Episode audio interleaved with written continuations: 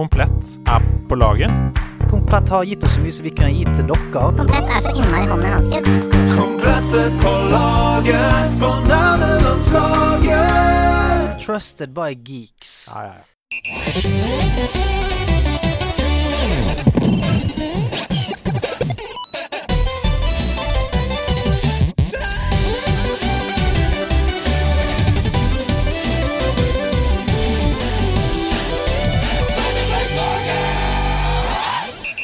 Ja da! Vet dere hva? Når det koker i den virkelige verden, og eh, det vanlige livet står på hodet, da er nerdeland et godt sted å være. Og der skal vi åpne porten og steppe inn her nå. Hjertelig velkommen til nerdelandslaget.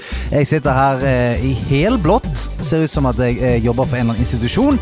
Eh, og foran meg i Donkey Kong-T-skjorte, Andreas Hedemann. Kjøtt fy faen! Kjøtt, fy faen. Kjøtt fy faen! Hvem var det som sa det første gangen? Det er tidenes eldste YouTube-referanse, det. Det er jo godeste Sean Banan. Det er Sean Banan, ja. Kjøtt, kjøtt eller fisk? Kjøtt fy faen! Ja, men Den har jeg glemt. Den er, den er blitt vintage, ja, og jeg kan sette pris på den catchphrasen. ja, det er hyggelig. Det er Orlando som har sendt inn uh, catchphrasen 'kjøtt fy faen'. Sjø, Fy faen. eh, jeg fikk litt pes forrige uke når jeg eh, tok et samuraisverd og kuttet eh, catchphrasen inn i to, Ja. som var uh, I'm using uh, Tilt controls. Ja. I'm using tilt controls. Da var det, da var det en som kom uh, ganske kjapt inn på Discord og sa Stian tar feil om eh, catchphrasen. Altså, det var ikke noe sånn. Det var bare han tar feil. Punktum. Men vi blir jo, jeg føler at vi blir jo eh, nedsablet og sagd eh, hver uke, uansett. Um, alle kan ikke like det vi gjør. Uh, for eksempel eh, sp- spalten Temple of Time får jo gjennomgå Ja. eh, til støtte Jeg, stadig. jeg, eh, sier jo at det er Norges mest kontroversielle spalte. Det er, og det kan jeg stå for. Vi får se om det samme skjer i dag. Men eh, det er i hvert fall kommet et forslag til et poengsystem, så vi skal gå gjennom litt etterpå. Så kan vi se hva som skjer. Ja, Mm. eh, ja for eh, som jeg trodde, mange som var misfornøyd med, med, den, med det ranet som skjedde forrige uke, eh, da jeg leverte altså et, et epos foran dere her nå, ble slaktet. Men nok om innholdet i forrige ukes podcast. Ja. Hvordan har du det nå? Åssen går det med deg? Du, det går eh, sånn eh, helt ok. Akkurat nå går det veldig fint for meg her, men det er, det er fullt trøkk i, i alle leirer. Ja, eh, rett og slett. Ja. Det, men det er jo det som er så deilig med å være her. Ja. At når det, når det brenner, når hus og hotell brenner, så, så er det fint her inne. Her Ja. er det kaldt. Kaldt og fint. Det er faktisk det. Airconditioner er nettopp skrudd av, så det er ikke varmt ennå. Men jeg må bare si én ting. Ja. For i går så klikka det for meg. Oi. Og du har, det har du aldri sett. Jeg har aldri sett at det klikker for deg, men, og jeg er glad jeg ikke var der. For jeg vil ikke se den siden av deg. Jeg eh, ble rasende, og jeg ble sutrete på ekte. Altså Camilla måtte sette meg på plass og si 'nå må du slutte'. Jeg kjempe, hun sa eh, ordrett 'jeg kjemper så mange kamper i hodet mitt nå'. Du kan ikke sutre for dette. Og få høre. Det var, jeg, hadde, eh, jeg, lett etter, jeg hadde lett etter ostehøvel i ett døgn. Ok. Fordi Eh, ja, og da ble du ra... Er det det som skal til for Ja. at du mister skitten din? Ja, fordi jeg driver og flytter inn i et hus. Ja. Alt, hele livet mitt er i esker. Mhm. Jeg ville bare ha den ene fuckings brødskiva med gulost. Jeg, hadde, jeg måtte gi opp brødskiva med gulost til frokost fordi jeg ikke fant ostehøvelen. Og nå måtte jeg også gi den opp til kvelds fordi jeg ikke fant ostehøvelen. Det var over. Det, alt forsvant. Ja, jeg, har, jeg prøver Jeg leter jo inni meg sjøl nå for å finne noe sånn ehm, Når, alt, ja, når, når det stormer rundt deg, Ja. og det eneste du trenger, er den lille tryggheten i noe kjent ja, den gode norske eh, Ostehøvel. ostehøvel, ja. Ja. det, jeg, har, jeg har lyst til å synes synd på deg sjøl. Jeg har lyst til å synes på deg, Jeg har lyst til å synes synd på deg men eh, jeg, jeg, eh, jeg har jo på en måte lyst til å si Gå til helvete, du har kjøpt deg en ny ostehøvel. Det var nøyaktig det Camilla sa. Ja! Ja. Sånn, for det, er jo Tenker jeg eh, Kan være lett å tenke. At skal, vi, skal vi bli sint og furtete? Ja, er er Eller skal idiot. vi ta sparkesykkel bort på Klasse Olsson og kjøpe ti ostehøvler? Du kan det- plante en ostehøvel faen meg i hver skuff i huset ditt. Hvis det er det, det er så viktig. For det, vi kan Ja. ikke ha det sånn. Nei, vi har løst det nå. Okay, men da I dag har vi en veldig, veldig eh, fin gjest. Vi har en kjempefin gjest, og jeg skal uh, slippe han inn i studio her. Men aller først så må jeg også fortelle at på lørdag så skjer det. Ida, Sebastian og jeg er på Landmine Ja. på Hvaler. Tenk på det! Ja, hvor fett er det? Altså Nå har det gått uh, snart to år uten at vi har kunnet være med på noen ting. Vi var på Vikingskipet på, uh, på The Gathering Mm. i påsken 2019. Nei, det var vel før det. 2018, var ikke det? Nei, 2019. Jo Jeg tror det eh, Var det 2019? jeg tror det var 2019. Det var det. Og det er Var ikke, liksom var ikke Ronien kom, da? Nei, ok Var ikke det? Nei, kom i 2020, vet du. Nei, det gjorde han ikke. Covid-19. Slutten slutten av året. Desember 2019. Og så begynte det januar, Var det mars 2020. Ja. Anyways, vi skal på uh, Landmine, så hvis du ikke har billett ennå Jeg vet at det er noen eh, fortsatt tilgjengelig der. Det blir Q&A, det blir liveshow, det blir masse kule greier. Så det uh, tror jeg blir helt uh, rått. Eller? Altså, jeg, jeg er misunnelig. Jeg er jo, uh, jeg er jo spiller sirkusshowet mitt. Når dere er og koser dere der og spiller, så står jeg og svetter og danser og hopper. Men du, det håper dere koser dere, Mm. og ikke så mye. Hvis du har lyst til å kose deg sammen med oss, så eh, kom deg inn på Landmine. Ukas gjest er en velartikulert mann fra Tveita som startet en anonym Twitter-konto som 16-åring, som ble hyllet av hele Norges humorelite. Nesten ingen vet at det var ham. Han har full oversikt og kan si deg alt om alle Apple-produkter, når de kom, hva som var nytt med dem, og hva de kostet ved lansering. Han har fått Erna Solberg og Martin Ødegaard til å ta bilde av seg. Han har jobbet på Starshop og har en far som snakker flytende russisk. På toppen av alt dette har han laget den beste dekningen av valgkampen i 2021, hilst på norske utenlandsproffer i fotball, hatt en større rolle i TV-serien Sigurd får pult, og båret humorsatsingen Humor de gjør på sine skuldre i en årrekke. Ønsk hjertelig velkommen komiker, tekstforfatter, skuespiller og skattelistegründer Erlend Mørk! Dæven, altså. Hjertelig velkommen, Erlend! Tusen takk. tusen takk Jeg kommer til å slite med å følge energien her, men ja, tusen takk. Vi kan, vi kan, her- vi kan slippe oss litt nedpå, kanskje. Ja, nei, det går fint. Det er fint med en balanse. Jeg ble først sjokkert over hvor mye du kunne, og så forsto jeg at du har snakket med noen. Eh, eh, å, Ja. Ja. Du, det, dette, kom, dette det var ikke sånn at jeg kom på det og bare tippet eh, Nei, du har snakket snakket med Hasse Hope. blant annet. Oh, Blant ja, ok, annet. for Er det Hasse som kan mest eh, shit om deg?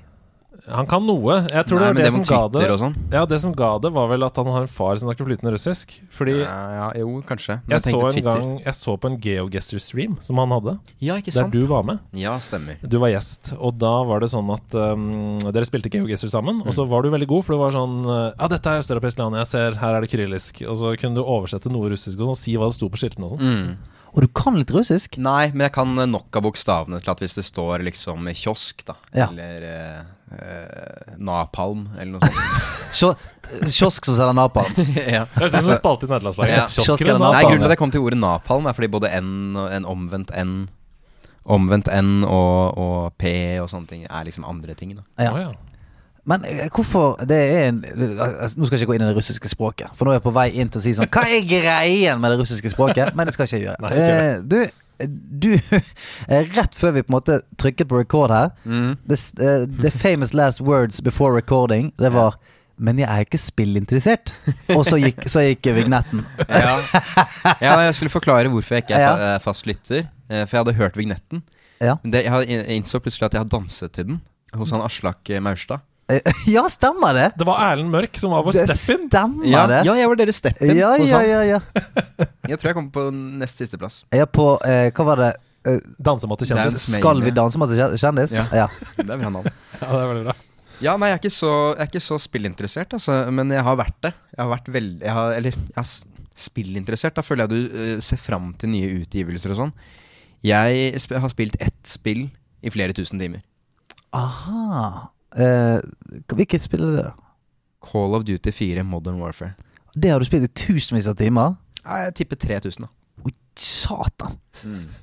Ja, det er ganske mye Mange vil si at det er mange timer. Ja, det er mange Eh, timer. Jeg tror ikke jeg kommer opp i stort mer enn 300 på noe annet spill.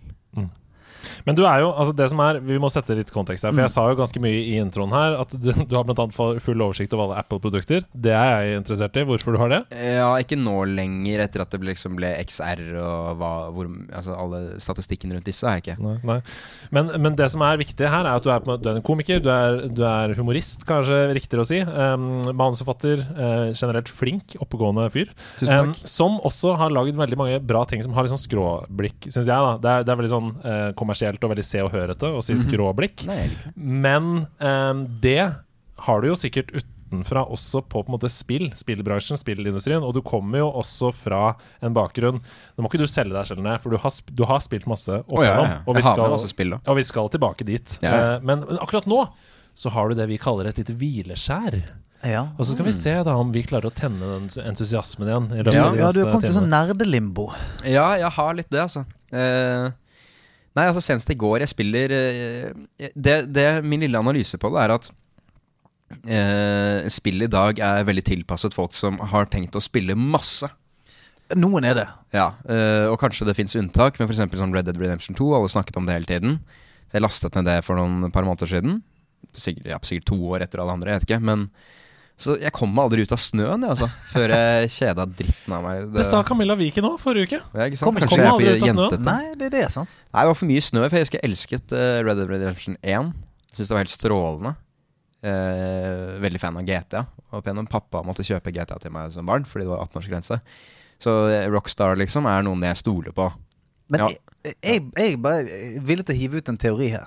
At det er noen For du vet at eh, det er jo noen som er sånn genetisk anlagt til å ikke like eh, koriander, for eksempel. Ja, det er ja. noe som ikke bare Det, det treffer Ja. ikke. Eller kaffe, eller sånn. Eller kan- ja, sånne ting som det.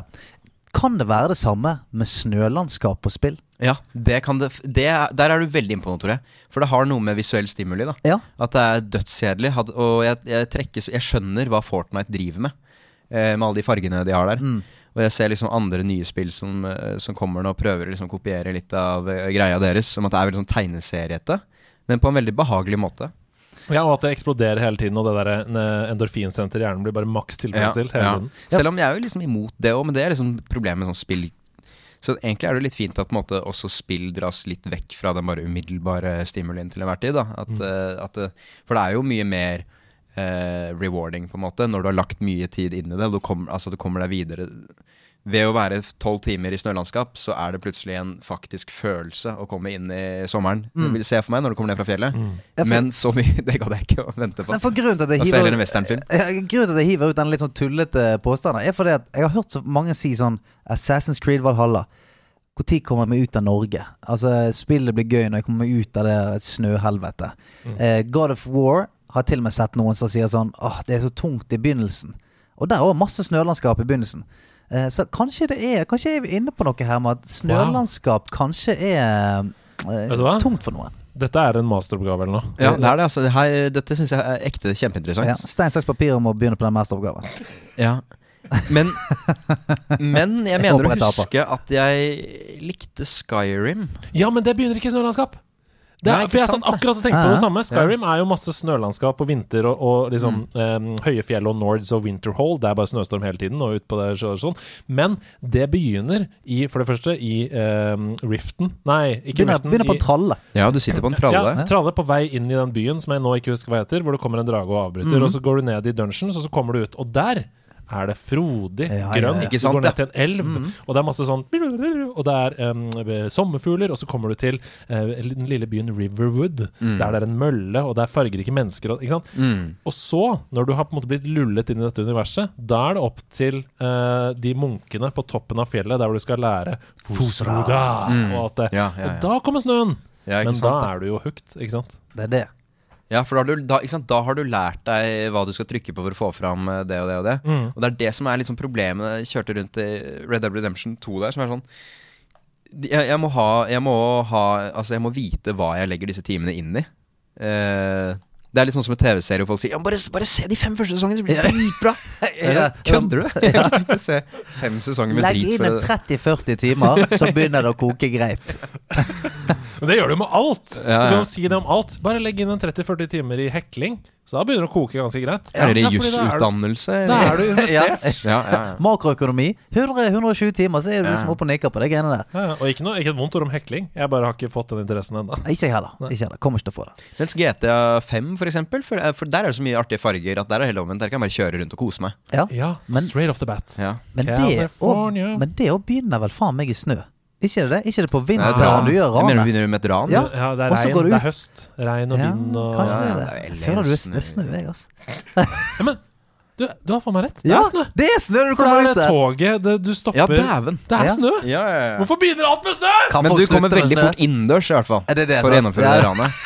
Så de har skjønt noe. De er sånn ok, vi begynner med snø, men La det komme inn og skal tørke du seg litt. tak over huet, liksom. Faen, snø.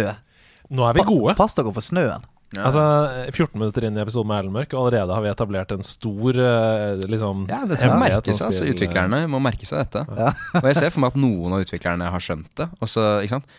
Ja. men så, når det er sagt, så var jo Red Dead Redemption 2 en kjempesuksess, var det ikke det? Jo, jo. Er det en eller annen kul forkortelse for det, så jeg slipper å si det?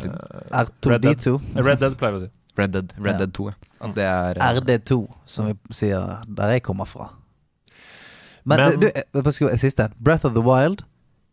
Helt Ah. ræva når det kommer til snøen. Kjemperæva. Ja, der er det ganske vondt, ja. Og da må Ja. du ha sånn chili Du må spise noe greier for å kunne overleve det. Samme greiene. Du begynner, det er frodig og fint, og så er det sånn Ja, men nå skal vi til snøen. Så er det sånn ah, og han, Link fryser, og, og du har ikke Du tar spist denne skade.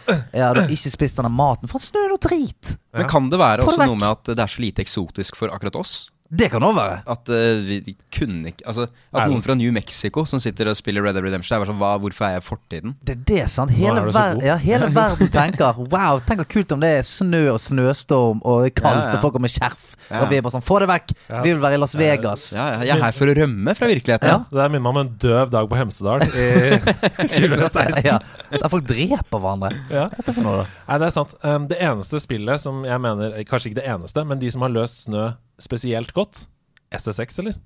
Der er det gøy De er gode. De er er jævlig gode. sånn. snowboard.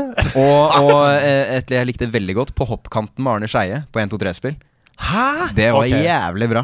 Det har jeg- aldri hørt Der var jeg figurerte jeg i topp 10 topp Arne Scheie. 10-lista. Altså. Kom opp på Hold 142 up. meter der. Hva er dette spillet? Fortell. På oppkanten med Arne Skeie, det var NRK-produsert spill hvor du hadde Arne Skeie som kommentator. Eh, og du trykket først én gang, da satte du utfor, og så Mhm. måtte du trykke på riktig tidspunkt på oppkanten. Og så måtte du balansere eh, kroppen hans, hopperen litt eh, i løpet av hoppet. Og så kunne du være litt heldig med vind og sånn, da. Og når du gjorde alt riktig og var heldig med vinden, da kunne du komme opp i liksom 140-142 meter. Og da var du på topp 10. På hoppkant med Arne Skeie. Er det en forkortelse for det spillet? Du slipper å si det hele tiden. På hoppkant med Arne Skeie. PH Pasj, da. Pasj, da. Ja, Pasj. Ja, pasj. Mm. Har du ikke hørt om Pars? Nå skal jeg si noe utrolig gøy. Ja. Jeg kjenner bare én person, jeg. Som de siste, for så lang tid jeg kan huske, har jobba med å lage spill for NRK. Han heter Mattis Folkestad. Er det han som har laget på Hoppkanten med Hvis det er Mattis Folkestad som har lagd på hoppkanten med Arne Skeie Han har lagd alle de spillene Få som du får på på telefon, P3. da, for altså, fordi vi har det hatt også ble- gjest her. Det forsvant jo med Flash, tror jeg. Altså, vi, Ja, har hatt, vi har hatt. Mattis som gjest her, og jeg lover på tro og ære, kjære lyttere, at jeg skal, fi jeg skal ringe Mattis, sende en melding og spørre om det er han som har lagd på hoppkanten. Ja. Hvis ikke det er han, så uh, finner han garantert ut hvem det er som har gjort. Han jobber i NRK. Kan, du, kan, kan du ringe han nå? Jeg kan ringe han. Ja, han nå, på høyttaler. Som lytter, jeg- var så frustrert hvis du ikke skulle gjøre det, og tenkte men det er greit, jeg er men bare gjest. Men som lytter, ikke sant. Men Ja, vi hører det. fortsett å lage et bilde av spillet, da. Hva er det ja, som nei, er å, det, men altså noe av det mest uh... Kunne du velge lag, på en måte? Nei, nei, nei, ikke i det hele tatt. Det var bare Uh, Og han har god flyt over kuren. Det var masse sånne. Og så Å, ja, altså, oh, nei, nei, og nei, og nei. Det var Arne Skeie som satt og kommenterte. Det er jækla Eller tidlig. ikke live, da, men For det var veldig likt fra gang til gang. Oi, nå får vi se. Kanskje går an å konvertere det eller noe. Oi, come on. Har han et liv? Han har sannsynligvis det. Å nei. Mattis, ta telefonen. Skal vi aldri få svar på om det er Matti som har laget på hopp pasj? Vi kan ha det som en sånn der greie for, at, for, for å ha bra audience retention her. At vi Mm. sier at vi venter til han ringer opp igjen. Ja! Så det kan bare ligge og ja! vente. For nå, nå kommer Hør han episoden ferdig. Hør episoden ferdig. Plutselig ringer han opp igjen. til Eller gjør han det? Hør til slutten. Vi får se. All right. Pasj er etablert. Eh, Men det er jo én ting vi pleier å gjøre her, og dette går hånd i hanske med det som skjer her nå, fordi det, det er sånn, um, Erlend Mørk. Ja. Du har allerede fortalt om Red Dead Redemption 2. Ja. Du har fortalt om På hoppkanten med Arne Skeie. Ja. Men hva var din første spillopplevelse? Hvor begynte det for deg, Erlend?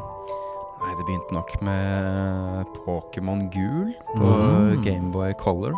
Wow. Eh, alle de andre som liksom er litt kulere og litt eh, tidligere ut med ting, hadde jo rød og blå og sånn. Da hadde jeg den klassiske opplevelsen hvor foreldrene mine sier Men dette er jo dyrere, dette er jo bedre. Men jeg følte ikke at det var De andre har liksom rød og blå. Ringer den?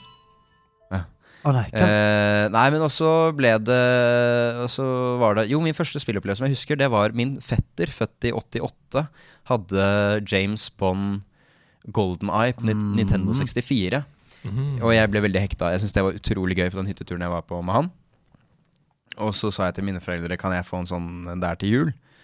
Og så sa de nei, de så fant de ut at nei, det er noe som heter PlayStation 2 nå. Oi! Og det er mye bedre. Og så sa jeg nei, men jeg vil ha den.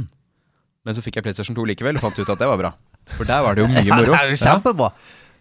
Så PlayStation 2 er liksom der jeg egentlig har spilt mest. Altså ikke timer, for det er da Call of Duty på PC. Men hvor jeg har mest forhold og nostalgi og ø, følelser knyttet til spill. da Og da var det Harry Potter og Mysteriekammeret som virkelig var Oh, shit, det var fett. Ja, det var helt fantastisk. Og det er han Benny fra, fra uh, Olsenmannen junior som voicer Harry der. Er det det? Ja, ja. For det er jo den siste mm, Han, det var, han ble vel ikke skuespiller? Eller han Nei. ble vel ikke noe innen media? Men, men Kjell, det er Thomas Engeseth. Han jobber i dag med uh, innholdsproduksjon. Ja. Og Ja, jeg søkte dem opp. Egon, han eh, Han er elektriker, tror jeg. Ja, men var, ikke, var Jakob Skøyen i miksen? miksen Ja, ja, han var? Dynamitt-Harry. Ja, det var Ja. Å, dynamitt-Harry! Ja, ja, ja. Vittig. Ok, ehm, fantastisk. Ja, men Fortsett. Harry Potter og Mysteriekammeret, det var et fire-spill. ja, og det er liksom litt på der Og jeg må innrømme at det, jeg spilte Harry Potter og Mysteriekammeret senest i går. Gjorde det? Ja. Nei! Jeg har hooket opp min gamle Eller jeg har kjøpt ny PlayStation 2 som fungerer ordentlig.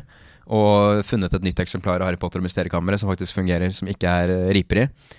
Og sitter nå og spiller det på 65 tommer. Eh, og det er en fantastisk opplevelse. Det er så nydelig lydbilde og farger. Apropos, det trenger ikke å se ut som virkeligheten så lenge det er Altså For å sette det på spissen eh, Dali ser heller ikke ut som virkeligheten, men det henger på veggene rundt omkring for det. Oi, oi, oi, den er brun. Her har vi altså gått fra en fyr som åpner podkasten med å si jeg er ikke så veldig spillinteressert, til at han innrømmer at han har kjøpt en velfungerende PlayStation 2 som han sitter og spilte i går! Ja, men det var Det litt er- forberedelse til det her, da. Men det var noe at jeg fikk endelig en kompis på besøk til å hjelpe å hekte av den TV-en, fordi jeg hadde kobla i HDMI-ledning og ordna alt bak ved eh, veggfestet på TV-en. Får hengt den opp igjen, han kompisen som hadde hjulpet meg, stikker. Så ser jeg at det her er det en HDMI-ledning for mye som stikker ut. Jeg har glemt å plugge den inn. Nei, nei, nei. Så den har bare hengt der eh, jeg vet det, men i går fikk jeg plugga den inn, og da fikk jeg satt inn PS2. eh, og koste meg med Harry Potter og Mysteriekammeret. Eh, jeg har tre saves som jeg går litt sånn uh, til og fra. Og- Men til de som aldri har spilt det før Jeg har jo også prøvd det hos venner også, men fortell, hva, hva er det du gjør i Harry Potter og Mysteriekammeret? Altså, du er jo De følger jo Nei, de følger faktisk ikke filmen så nøyaktig, tror jeg. Du, fordi de har noen sånne oppdrag i starten for at du skal lære deg formler. Men du spiller jo Harry, da. Eh, og ja, de følger plottet fra bok slash film. Eh, fra A til B, egentlig. Og har liksom nøkkelscener. Blir filmatisert ganske nærme filmen. Eh, nei, og så er det Du tusler rundt i borgen og skal gjøre de oppdragene som skal til for å få historien videre. Og så er det ikke for mye sidetull.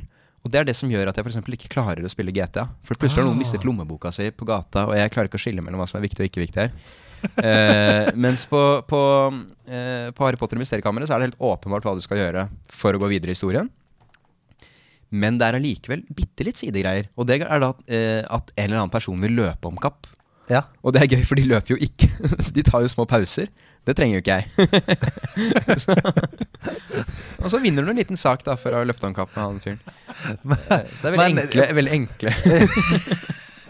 Men det er, det er musikken, fargene, stemningen. Det tusler rundt på gata vårt. Og ja, jeg vil si nydelig, nydelig musikk.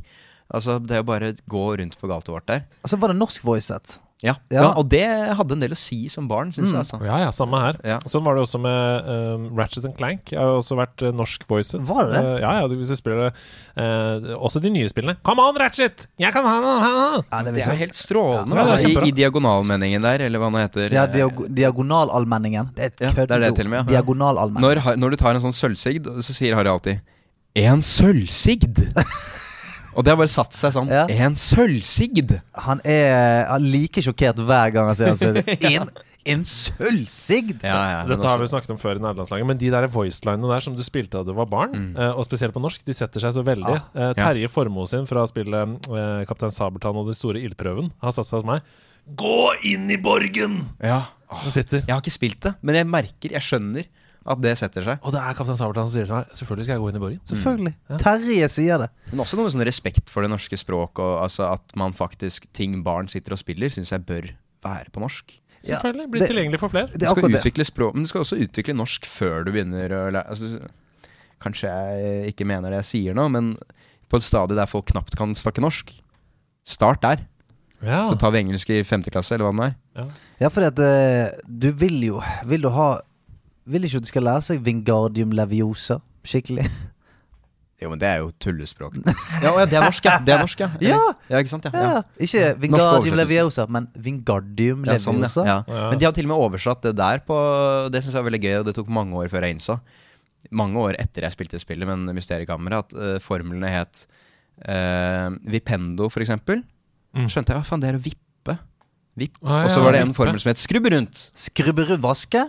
Ja, og skrubbe rundt. Ja, skrubbe Tok rundt. faen meg tid før jeg skjønte. Og så har du, ikke sant, eh, lumos, det er jo lys på latin eller noe. Ja, og så Ja, nei, det var sånne små, morsomme koder i alle de tingene som da var, var et mysterium. Det er veldig gøy. M- m- Mye mindre mystisk å skrubbe rundt. Det ja, er ikke, det er ja, ja. morsomt. Men ikke sant, det er litt humor oppi der òg. Det skal jo han ha mye for, han som har oversatt norske Harry Potter-bøkene. Noen mener det er en svakhet, og sånne Harry Potter-nerds vil liksom heller si de engelske tingene og sånn. Jeg syns de norske er veldig morsomme. Altså, Du sier konsekvent humlesnurr og sånn? Ja, når jeg snakker om han, så sier jeg humlesnurr, ja. Ja, det er ikke Dumbledore? Nei. Nei, men jeg er også på humlesnurrkjøret. Ja, Du, er ja. på, du er på humlesnurr. Ja, ja. Eh, men ok, du, det er bare Det som er fascinerende, at du spiller eh, PlayStation 2 i går og tenker sånn Fy Ja. flate, det er så flott og fint. Og det ser ut Er det den siste PlayStation du har eid? PlayStation 2? Nei, jeg har PlayStation 4. Du har det, ja? og jeg okay. vant en PlayStation 3. Oi. Det var helt rått. Altså, Det er en litt morsom historie. Løpte om kapp? Nei, jo, faktisk. Det er ikke så langt unna. Jeg spurte min far kan jeg få PlayStation 3, og han sa nei. sa han. Og da googla jeg 'Vinn PlayStation 3', Nei. og så fant jeg ingen ordentlige resultater. Okay. Men dette var i tiden da Kvasir eksisterte. Så jeg søkte på kv- Jeg kvasirte 'Vinn PlayStation 3'. For de var best på norsk. De var best på norsk! Det var innsalget! Og det, og det som da dukket opp, var en konkurranse på gudbrandsdølen.no. Ja, men da er du best på norsk. Ja, Ja, da, da var er du best på norsk, for der var det en konkurranse. Vinn PlayStation 3. Send inn en morsom video, vinn PlayStation 3. Og dæven, tenkte jeg. Så jeg lagde en video hvor jeg triksa med fotball. Til eh, hun derre eh, My Boobs Are OK-sangen la jeg inn. jeg synes det var litt gøy. Var det Lena Alexandra, sa du? Lena Alexandra. Ja, ja. Lena Alexandra. Eh, sendte inn den, og så fikk jeg hele skolen min til å stemme. Hele skolen til moren min. Hele skolen til søstera mi. Og eh, ikke minst, jeg fant en måte jeg kunne stemme meg selv på. Eh, det, jeg tror det bare var cookies, egentlig. Jeg måtte slette. Eh, det skjønte jeg ikke helt, men jeg fant ut at ved å lage flere sånne kontoer på Windows XP, typ sånn mamma, pappa, søster, bror, med de små miniatyrbildene, Mm. så kunne jeg stemme på nytt og på nytt på nytt. Så jeg lagde 200 sånne. Å, helvete. Og lagde, logget ut og inn. Og så så Det jeg er at jeg var dedikasjon, da. Det er dedikasjon. Det er fyr lyst på PlayStation 3. Ja, Det er jo ikke hacking, det er jo dedikasjon. Ja. Altså, hacking det er å skrive et skript hvor det står sånn her Vote 400 times, og så skjer det. Men å lage the labor, liksom. 200 kontoer på Windows, sånn at rammen på PC må jo ha sprengt, eh, og bytte ut og inn av dem, magisk. Ja, jeg Det det er var fortjent. Helt mot slutten så så jeg at det var en annen fyr som eh, hadde en video som het et, et trylletriks. Eh, der noen sa du-du, og så var det klippet, og så hadde han bare gått ut av bildet. Han skjønte, han også hadde begynt med det trikset etter hvert, men jeg vant kappracet, og han kom helt på slutten. Så plutselig hadde jeg vunnet. Gikk og hentet PlayStation 3 eh, på på Tveitasenteret, og var en glad gutt, altså. Og det var til og med den som kunne spille PS2-spill. Hadde fire USB-er, harddisk. Etter hvert begynte de å nerfe de greiene der, så den ble mye dårligere. Mens jeg hadde den bra. PlayStation 3. Og, altså, det der er så det, Altså, det er det vi kaller grinding. Det der er, Ja, og du kan tenke deg, altså jeg var 13. Ja, det er helt. PlayStation 3 7000 eller noe. Ja, Altså, du, Som 13-åring. Den var insane dyr. Den Den var Ja, ja. Det, var, det var alle pengene i verden. Men du var jo allerede da et markedsføringsgeni, som du fortsatt er. Der er jeg faktisk villig til å si ja. Fordi det er du fortsatt. Og, og eh, kan ikke du eh, Nå skal vi ikke nevne den kjedens navn, men du hadde en liten feud. Med Elkjøp, ja. Ja, ja, ja. Å nei, dere er sponsa Nei, av dem? nei, nei. Nei, nei. Du, altså, her er det lov til å Nei, snakke fritt. respekt, de rydda opp, de. Eh, feuden med Elkjøp, det var at en kompis av meg hadde kjøpt en TV eh, som, hvor den ly, en sånn eh, optisk lydport eh, var ødelagt. Og så hadde han eh, snakket en del med Elkjøp, og jeg var på besøk hos han stadig. Og så har du fått ordna ny TV, liksom? Nei, de, tror, de mener at jeg har ødelagt den, men det er jo bare tull, liksom. Og så eh, var det også litt sånn provoserende at de på et tidspunkt hadde foreslått at nei, vi kan ikke erstatte den, men her har jeg funnet en limpistol på Claes Olsson, og her er et adapter på Amazon, du kan jo prøve det, liksom. Wow. Og jeg syns det var litt råttent. Og så så jeg jo også at Men her har du gått inn på Netflix her? Det hadde han ikke gjort, han hadde bare Chromecasta Netflix. Så gikk han på Netflix på TV-en. Så var han logga inn på noen andres Netflix. Ah, Eh, så den har blitt brukt et annet sted? Ja. Ja. Så det, det er helt åpenbart, du kan ikke argumentere for at den er ny når den er logget inn på noen andres Netflix. Så det jeg gjorde, var at jeg da gikk jeg inn i innstillinger. Nå ringer Mattis Folkestad. Ok. Hei, Mattis! Da er du live på nederlandslaget. Fra Portugal, Lisboa, Portugal. Oi! Oi! Fra Portugal, og likevel så ringer du. Så står jeg utenfor eh, Vasco da Gamas eh, fantastiske monument. Det er fantastisk. Det er jo det er bra. Eh, Perfekt eh, sted å svare på et veldig viktig spørsmål. Ok, nå skal du få høre spørsmålet her. Um, Erlend Mørk er gjest i dag. Og han lurer på om du hadde noe med NRK Flash-bildet eh, på hoppkanten med Arne Skeie å gjøre. Nei, du, det har ikke jeg laga. det var noen i sporten, tror jeg, enten som laga eller kjøpte inn. Uh, så det tror jeg ikke jeg har vært borti. Da har vi fått svar på det. Eh, ha- husker du spillet?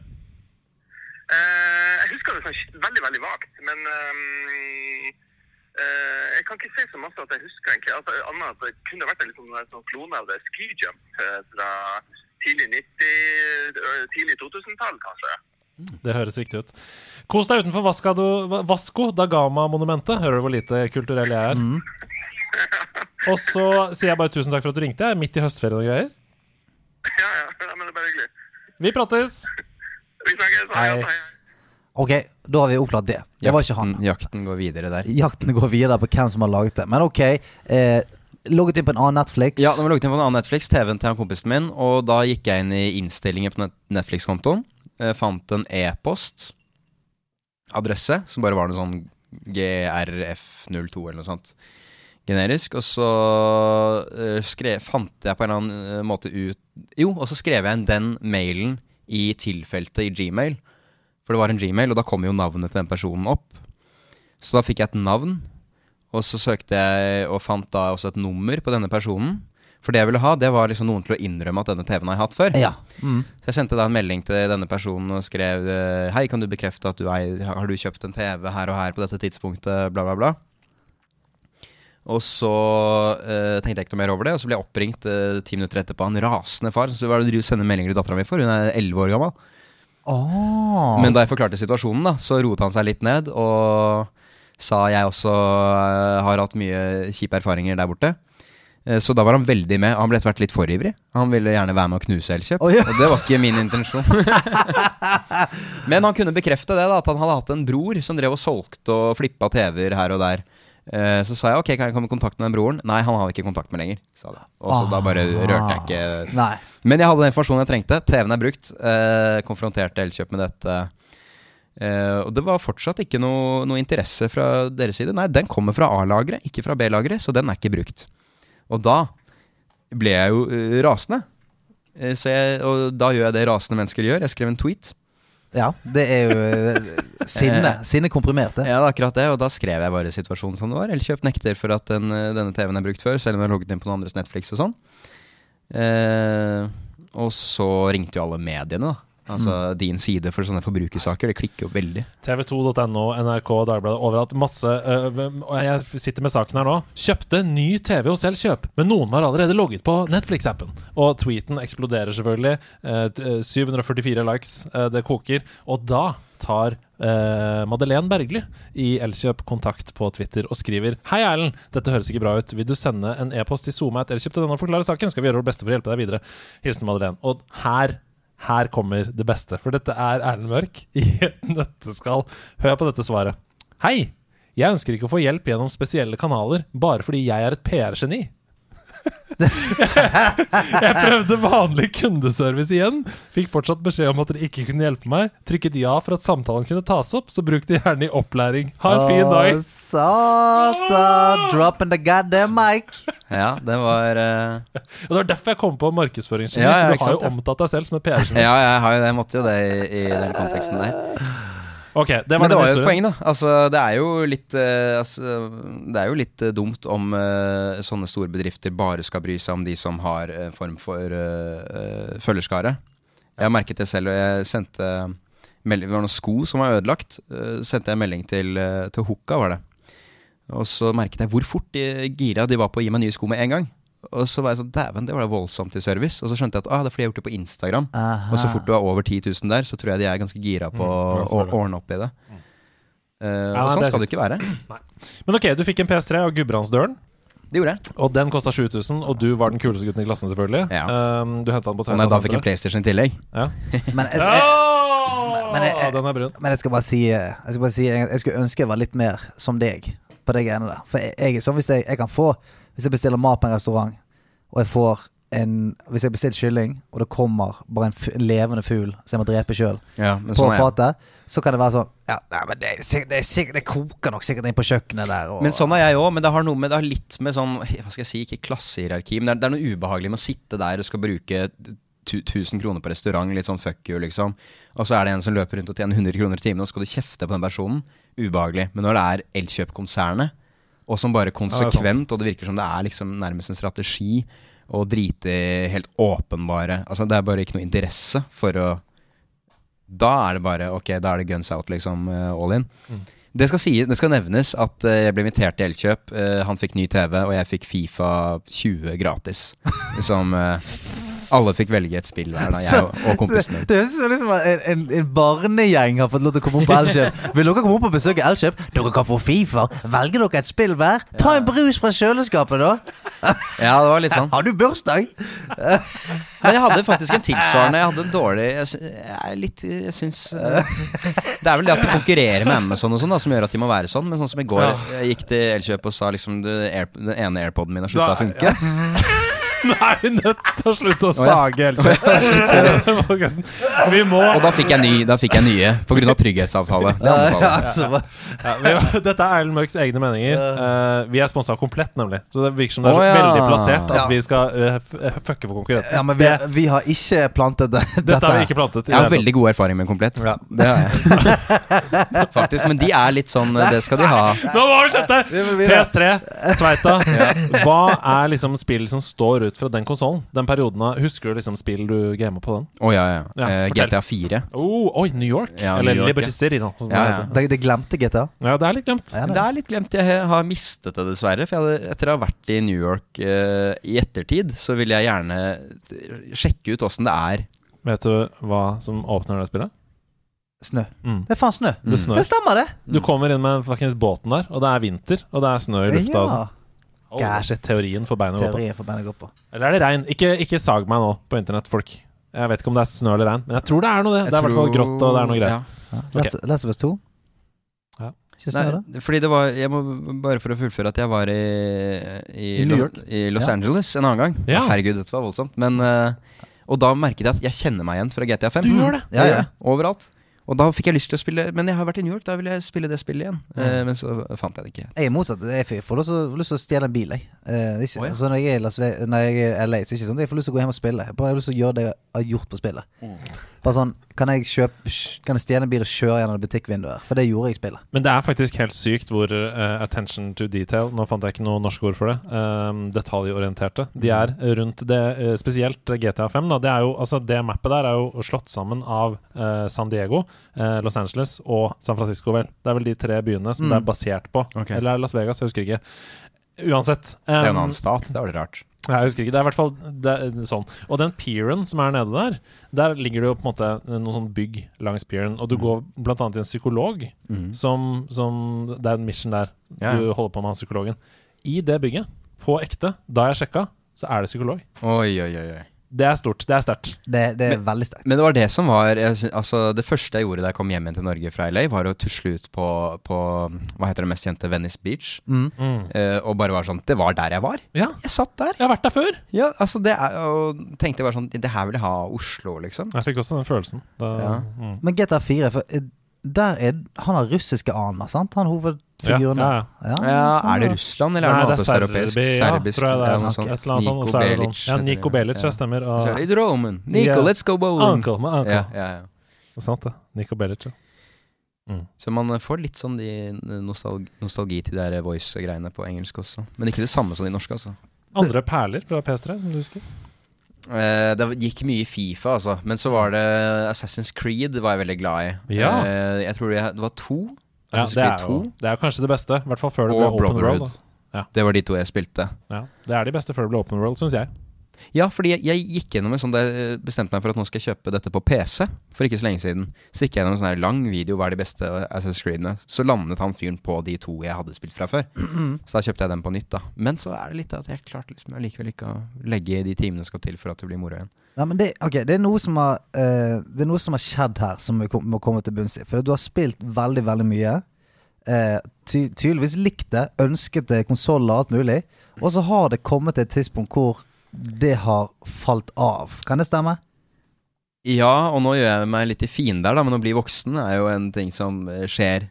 Ja, men jeg altså, så der Så jeg har bare fulgt den vanlige, fulgt den liksom vanlige sånn. Spilte mye som barn, og så Ja, for jeg, jeg føler jeg alltid kan på en måte motargumentere med den, i og med at jeg er, har fem jobber, en kone Ja, og snart to barn. Og Ja. jeg spiller jo kjempemasse. Ja, ja. Sånn ja, at jeg, det argumentet med at hvis man blir voksen, så, så enten får man ikke spilt, eller liker ikke man å Jeg mener ikke at man blir kjønnsmoden, eh, men at man liksom eh, Nei, jeg veit ikke. Nå, altså, jeg, nå snakket jeg bare sånn utenfra. Det var vel litt morsomt hvordan du satte opp. Du spilte masse som barn, men så hva skjedde? Da, du la veldig opp. Nei, men er det, Eh, fordi, er det fordi du på en måte ikke får den samme Um, Du har ikke den samme leken og gleden knytta til det? Er det sånn at du venter på Du liker kanskje å se på film eller TV eller Ja, noen sånne ting. Er, det- er det fordi du føler at det er et mer sånn voksent medie enn det spillmediet er? Det er nok ikke aktivt. Det er mer litt sånn Jeg liker å få servert en god fortelling. Ja, Uten å måtte Eh, gjøre noe selv? Ja, jeg, og jeg syns Bandersnatch var helt forferdelig. Ikke la meg sitte her og ta så Vis meg hva du har laga. Ja. Jeg ble rasende Ja. og skrudd av.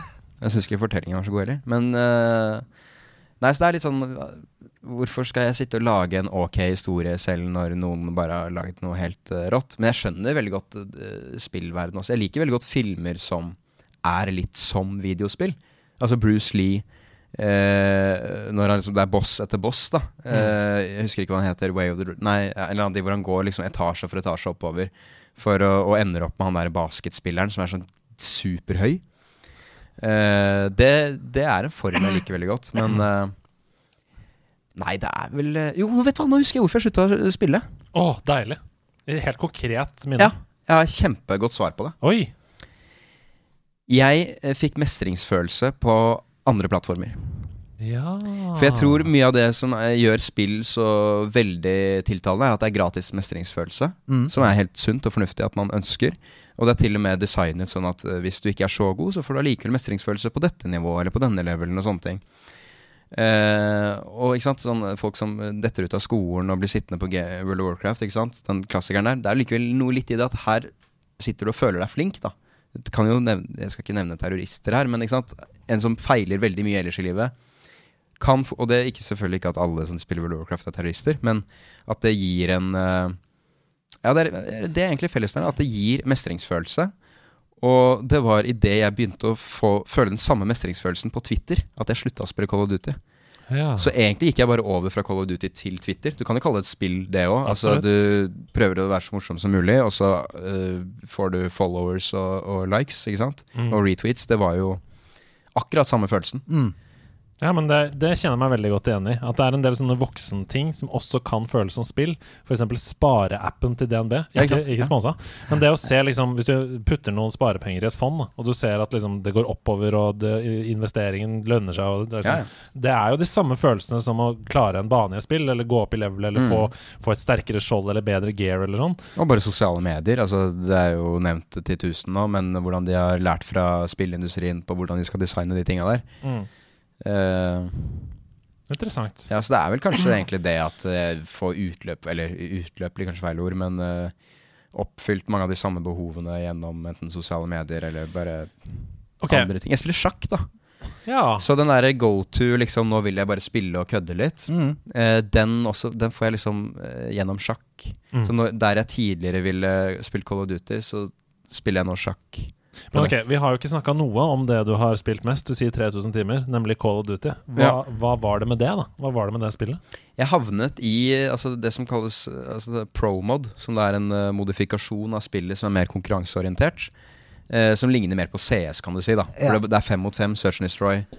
Uh, og det syns jeg var utrolig gøy. Og jeg fikk ikke minst altså en, en klan, altså en fast gjeng. Vi var fem stykker. da Første jeg gjorde da jeg kom hjem fra skolen, var liksom logge på, så var de der. Og så, eh, så var det egentlig veldig hyggelig.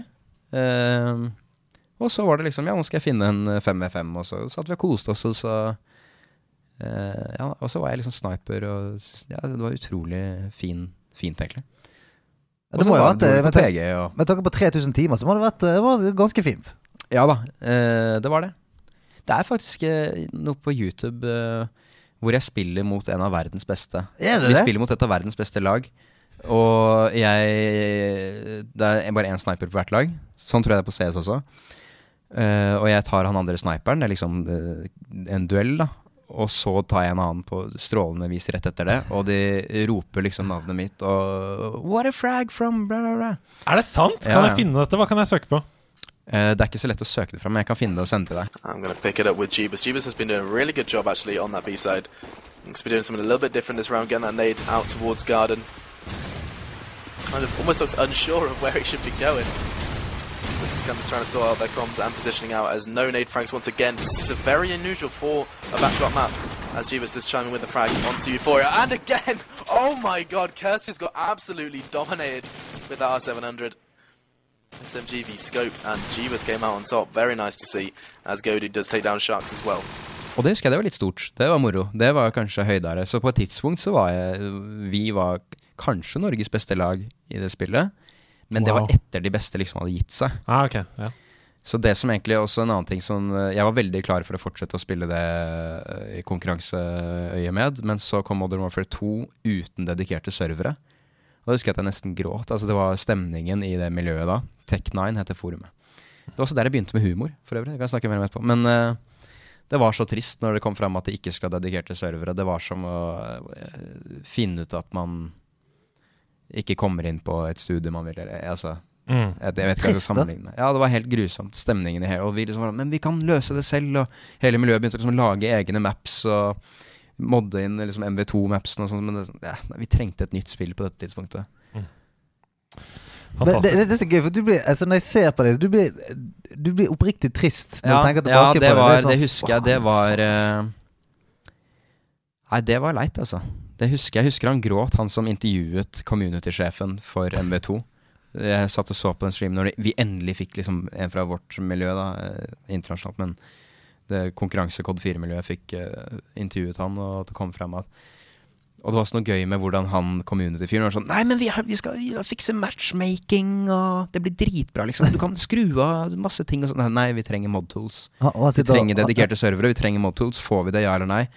Nei, ikke det direkte, men vi har lagt inn masse. Så, og du vet bare at det, Nei, nei, nei. nei Og han begynte å gråte. Det var så fint. Ja, det er så fint. Det begynner å gråte. Det er ikke noen bedre måte å si til han der PR-duden i Infinity Ward eller Activision bare sånn Fuck you, liksom. Ja, Det holder ikke. Hvis en voksen- Ja, hvis en voksen mann begynner å gråte, da, da vet du at det er alvor. Da vet du at det er alvor. Ja. Men det var helt Wow. strålende. Det er egentlig det jeg har fått mest ut av. sånn- Det er eh, det miljøet, forumet rundt eh, det miljøet. Det var der jeg lærte meg Photoshop og videoredigering og prøve å være morsom. Det var, der, det var før Twitter. At der er Ja, liksom for da fikk du respons, ja. Ja, ja, folk lo publikum og, og, og. Ja, ja. Fantastisk. Det er mange sånne forum på nett som har hatt den funksjonen for folk, tror jeg. Ja. Freak.no. Ja, og du har jo altså hele det som kalles weird Twitter. Altså Ja. det største, liksom det første fenomenet. Enormt. Dere kjenner han Drill, for eksempel. Men uh, det kom jo fra noe som het eh, Something Awful. Uh, Ja, det var noe kjent. Fyad-forumene. Fuck you and die, heter liksom. Der, der var Jeg savner vel den forumformen. Det å ha et nikk, et pseudonym, og du har skrevet så og så mange poster som gir deg en viss tyngde. Men det er jo nerdelandslaget. Altså Discord-serveren vår. Ja, Discord har tatt opp det igjen litt. Det er jo et forum. Der kan du følge de kanalene du vil. Du, du får XP ut fra hvor mye du skriver, du går opp i level, du får andre type eh, Ikke sant? Sånne ting. Uh, og der er vi jo nå. 8000 medlemmer. Mm. Oh, ja. mm. Men det som var fint med de forumene, var at eh, de der belønnet Det lønnet seg å skrive lange, gode ting, og du ble respektert for det. Mm. Mens på Nå sier jeg vet ikke noe om Discord eh, nødvendigvis, da, men sosiale medier for øvrig. Ja, ikke Nå så blir det jo belønnet for det som bare er det umiddelbare, kvikt. enkleste. Og, ja, kvikt, og gjerne til og med liksom eh, fiende Altså at Ja, du ska, skaper et fiendebilde. Sterke emosjoner, da, i Ja. en eller annen retning. Noe Eh, skriker veldig høyt, da. Mens uh, forum Jeg mener kanskje internett pika i 2009-10. Altså da alt var på plass sånn teknisk, men før, sosial, før liksom disse lukkede boksene hadde tatt over, da. Men ok, eh, spillbransjen Nei, spill, ikke spillbransjen, men din spillglede Ja. ligger litt brakk. Hva skal til for å få den tilbake igjen? Hva er det du trenger? Du sa du trenger å bli servert en god historie. Ja. Er det noe spillbransjen har vært god på de siste i hvert fall tre til fem årene, så er det jo å male av gårde den ene fantastiske historien etter den andre. Jo da, men de gjør det, de etteraper, etter mitt inntrykk, da, etter filmer og bøker. Altså, de, de på en måte eh, strever etter den kompleksiteten i historiene. Jeg trenger en enklere mer, En enklere fortelling hvor liksom min deltakelse gir noe Hvor jeg føler at den gir noe. Du, du trenger Harry Potter, du nå. Ja, faktisk, Og, og det, altså, og det kommer Bond. snart. Harry Potter Ja, kommer det gleder jeg meg veldig til. Ja, Harry Potter Open World, Ja, og med! det gleder jeg meg veldig til. ja da må du har til å- Akkurat. kan du Da- løpe, løpe om kapp til du dauer. Altså, Da skal jeg livestreame og twitche. For det husker jeg jo da, da liksom datakraften gikk opp. Da tenkte jeg sånn Å, herregud, nå kan jeg lage Harry Potter. eh». For jeg husker jeg savnet at det hadde vært kult å kunne gå utenfor den lille horisonten du stanger Ja. inn i med, med soplimen der. Men, allikevel, eh, men at det allikevel er like tydelige oppdrag. At du på en måte kan velge å spille det så enkelt. For selv på GTA synes det er liksom, Hvilket av disse ikonene er det egentlig som er oppdrag? Er det han derre Dennis nede på hjørnet som vil at jeg skal uh, styrte en aksjekurs?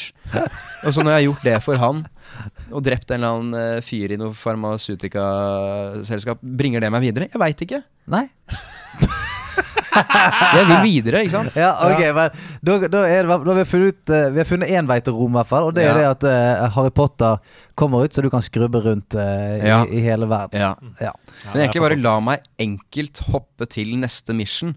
Og så, kan, og så kan det være en bonus og noe du gjør på fritiden, er det å løpe rundt i verden. Mens det der at du må Ja, da må du kjøre dit, akkurat som i virkeligheten. Det er sånn åh.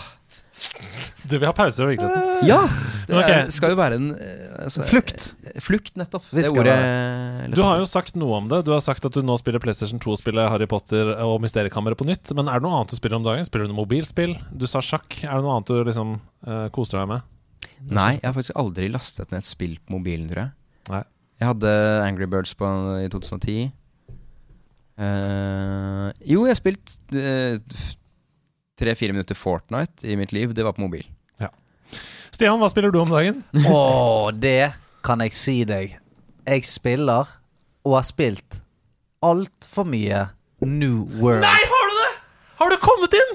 Om jeg har kommet inn, ja. Og jeg har kommet inn, og jeg, Yes! kom, jeg kom aldri ut. Wow, jeg elsker Det Å, Jeg blir så er- glad for å høre det. Og det er egentlig problemet her. At jeg er så hektet at uh, jeg må legges inn snart.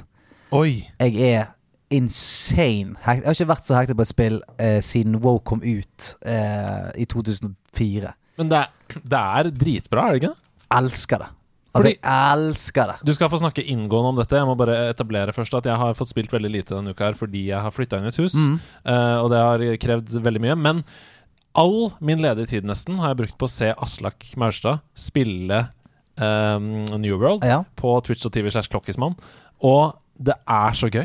Ja det er, jeg vet hva det Miljøene er så, så fantastiske og Ja, OK, fortell. Nei, det er så fett. Du er liksom eh, På, på mappet så er man tre eh, lag, på en måte. Man er Syndicate, Covenant og Marauder. Man velger hvem man har lyst til å være på lag med når man har kommet sånn til level 8 og 9.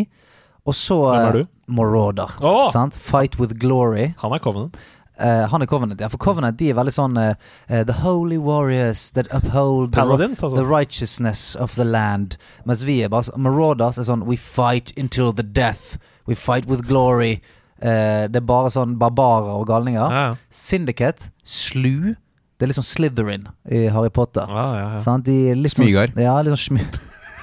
Det er smyger. De er litt sånn Litt Ja. sånn heksete. Det er litt sånn sniking og stikking. Så vi er jo da eh, på Vi er 100 stykker i nerdelandslaget-gilden på, eh, på vår server. Mhm. Vi har kjøpt by, ja, det hørte så vi har vår egen by der vi setter skatten og så videre. Det høres veldig gøy ut. Ja, det, er drit, dritfett. Så alle som er innom byen vår som et- gjør transaksjoner eller bygger ting og sånt, går rett i guildkassen, sant? Oi. Og så eh, kan man på en måte Man kjemper hele tiden for territorier, da. Sånn at uh, hvis man har lyst på en annen sin territorie, så må man inn der, så må man gjøre masse sånn PVP-ting. For da øker man eh, eh, innflytelsen sin på området, og når den er fullt, da kan man erklære krig. Oi, Og da er det full 50 mot 50. Noen som forsvarer, noen som angriper. Om å gjøre ta over eller defende. Da er det bare 50 mot 50. Fullstendig gale, Mathias. Hva Eh, skjer da med den som vinner? Hva er det som skjer da? Da, hvis du vinner, så får du ta over byen. Oi! Da får du ta over området og blir Wow. den nye herskeren. Og de andre må lubbe hjem med Ja, ja, fordi jeg har sett på uh, Aslak spille, og det, han, jeg har sett to sånne wars. Ja. Og Den ene ble ødelagt av at eh, det halve det andre laget bugga ut. Og den andre ble ødelagt av at eh, halve laget deres bugga ut. Det er det kjedelig. men, men da de vant, da så kom det bare opp sånn 'victory', og så var det sånn XP gain og bla, bla. Så jeg skjønte ikke helt at det hadde så mye å si, men det hadde tydeligvis det. Det, det my, har mye å si. Og så Jeg syns de har gjort så veldig mye riktig med spillet, for det at eh, al- Altså, alt gir deg noe, da. Eh, for det er jo sånn Det er 17 forskjellige yrker du kan ha. Altså Alt fra å lage smykker til eh, trehogging, alt mulig. Og alt gir deg på en måte XP. Så hvis du tenker sånn Faen, jeg skal bli Jeg skal bli den beste tømmerhoggeren i byene. Så kan du levele opp på bare hogge tømmer. Eh, hvis, det, hvis det, that's your jam. Og du kan òg levele opp med bare fyke rundt og drepe folk. Hei, hei.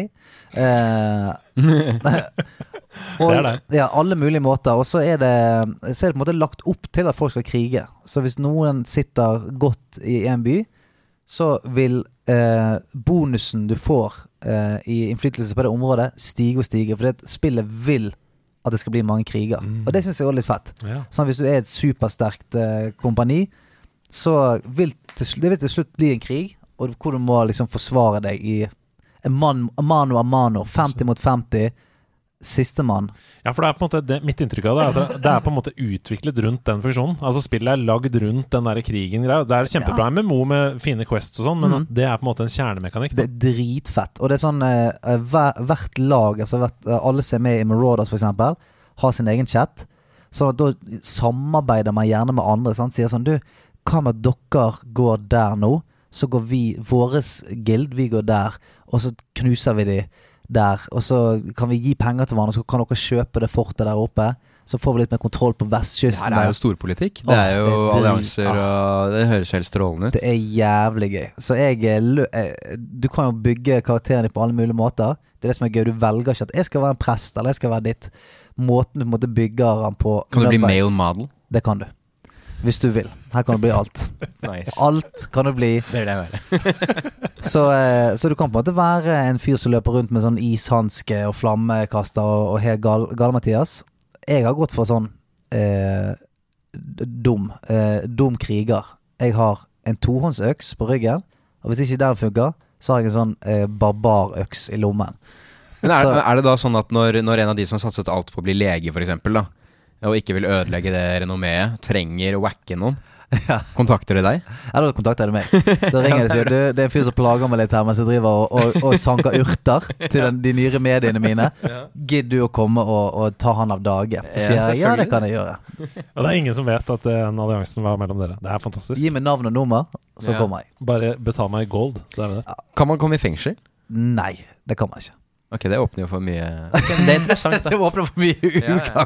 Nei, dette her er, dette er krig, altså. Og, Helt eh, sivilisert samfunn bare uten fengsel. Ja. Men kan, man, på en måte, kan noen bestemme seg for å lage et slags fengsel? Altså Hvis du har ti noen som går all in for at vi skal være vakter, så vil du kunne begrense noen til å bare være ja, der? Ja, det kan du. For det, eh, det er jo flere ganger. For eksempel, vi har eh, For igjen, da. Hvis du ser at ok, nå er det veldig mange lilla, altså Syndicate, som samler seg i, eh, rundt byen eh, nede i, i sør, så kan man si ok, alle stikker der.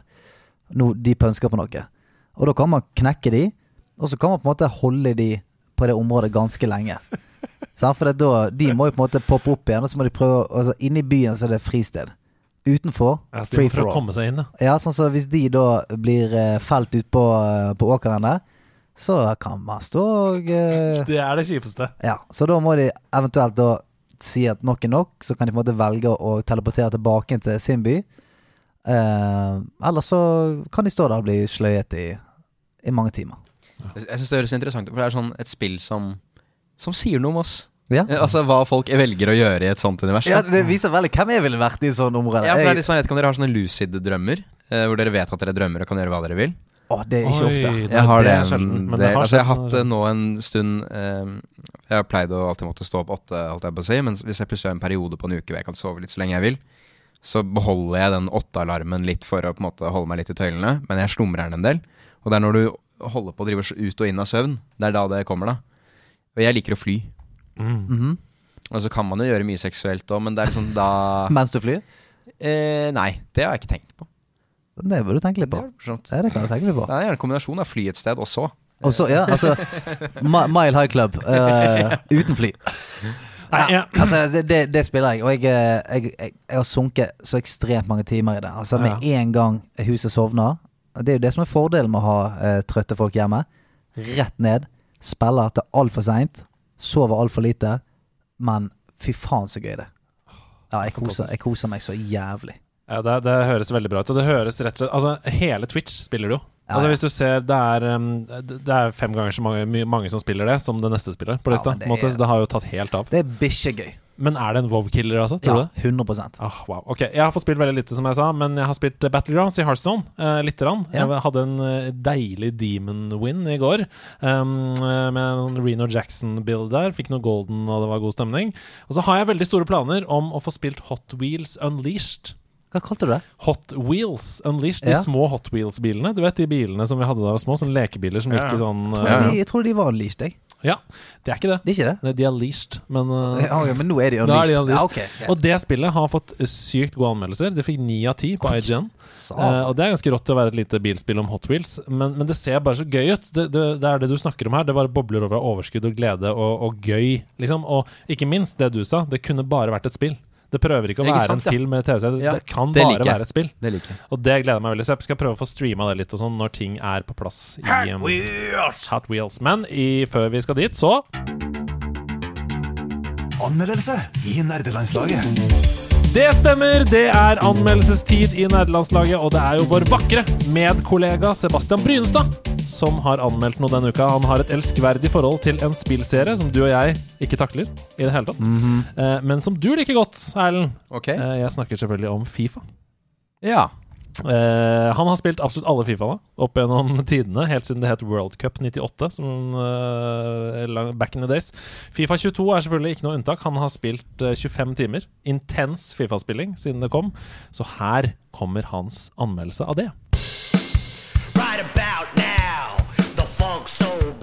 Du store min, hvem skulle ha trodd her? For en overraskelse! Rydd forsida! For til og med i år har vi fått et nytt Fifa. Jeg var litt usikker på musikkrettigheter, så jeg spilte inn min egen versjon av det som for meg er den ultimate Fifa-låta!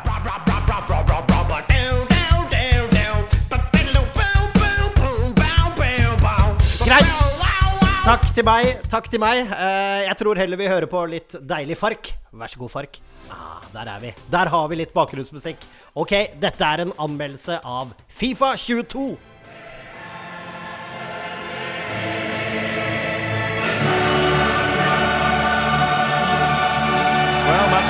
United have chosen this particular shape. David De Gea between the posts. Luke Shaw starts with Aaron Wan-Bissaka in the fullback positions. Marcus Rashford starts with Jadon Sancho out wide. And leading the attack today is Cristiano Ronaldo. Kjente og kjære spillere, lag og funksjoner er tilbake. Alt fra karrieremodus til rosinen i pølsa, FUT. Det er ingen tvil om at det nye Fifa er svært bra. Mange robuste singleplayer- og multiplayer-mode, som karrieremodus, couch co-op og versus online versus osv. osv. osv. Det er ikke så mye nytt på den fronten, men det fungerer som vanlig godt og har lang levetid. Volta fotball er også på plass. En herlig street football-variant med five-a-side, fotballtennis og masse annet eh, gøy i vente. Det er en solid pakke for en casual fotballentusiast på alle nivåer, både solo og online. En fotballkraftpakke. Scott McTominay. Rashford. Oh, in it goes! The opening goal in the UEFA Champions League final. Grafikken er også svært god, både på current og next gen. Jeg spiller på PlayStation 5, og det ser pent ut, men det blåser meg ikke av banen, pun intended. Men loadetider, menyer og annet flyter bedre enn noen gang. Og bortsett fra en og annen kosmetisk bug, er det smooth og knirkefritt. Men så veldig next gen, det føles ikke sånn rent visuelt. Men på banen generelt, og da viktigere i moden Fifa Ultimate Team, som jeg spiller mest, eller FUT, som er Fifas trekkplaster, hvor man via spill og eller mikrotransaksjoner og oppgaver bygger sitt eget lag og konkurrerer mot andre spillere, her føles spillet deiligere enn noen gang. Nå er ikke lenger farten på spillerne alt. Styrke, posisjonering og pasninger er viktigere enn noen gang. Noe som gjør at man har langt større muligheter i lagbygging. Og f.eks. store plugger som Haaland og Lewandowski, som før var ganske ubrukelige, nå kommer de til sin rett. Kort fortalt så føles det mer ut som fotball. Wijnaldum. Here's Mbappe. And you've got to say, not the best of volleys that time. Yeah, it was certainly there to hit, but he just couldn't make the right contact. It was well wide in the end. Ja, det skåres mye mål. Ja, fart er fortsatt bra, men man kan legge opp lag og taktikk etter spillestil. Og det gjør det morsommere enn noen gang å bygge lag i FUT. Jeg skal ikke reklamere så veldig mye for denne moden, fordi den har mye mikrotransaksjoner, og selv om du kan bygge et svært godt lag over tid uten å bruke en krone, så spiller Foot på gamblingprinsipper med random content-pakker med kort, og frister rundt hver eneste sving med pakker man selvfølgelig kan kjøpe for ekte penger. Det sagt så ser jeg på Foot som en av mine hobbyer, og setter av hvor mye jeg kan bruke i løpet av et år. For modusen er svært robust, og det er masse content og turneringer med store belønninger, så det er fullt mulig å kose seg her med et lite budsjett, eller uten å bruke en krone. Men modusen burde uten tvil etter min mening ha 18-årsgrense, sånn som den ser ut i dag. And the referee didn't have much choice. A sending off it is. Yeah, no complaints there. That's a sending off all day long. Men nok pepper! Burde du kjøpe det nye Fifa? Liker du fotball og spille fotballspill aleine eller med venner? Da er svaret ja! Er du en foot-entusiast sånn som meg, er svaret et rungende hell yeah! Fifa er bedre enn noen gang. Soundtracket, lydeffektene og alt rundt, det leverer som alltid. Og vår egen Musti er faktisk representert med en egen låt, og hvor fett er ikke det? Fifa finner ikke opp kruttet på nytt, men tweaksene og den nye følelsen og innpakningen er svært god. Det føles ikke så next gen som jeg hadde håpet, men etter ca. 25 timer gir jeg Fifa 22 88 av 100 Steffen Iversen, som tar litt innlegg. Well, the result has never really been in doubt, has it? They've created so many chances with some brilliant attacking play. I think they've looked an outstanding team today. Well, just look at the emotions out there. Joy and relief on one side, despair and heartache on the other. But we've got the right winners here. They fully deserved it on the night.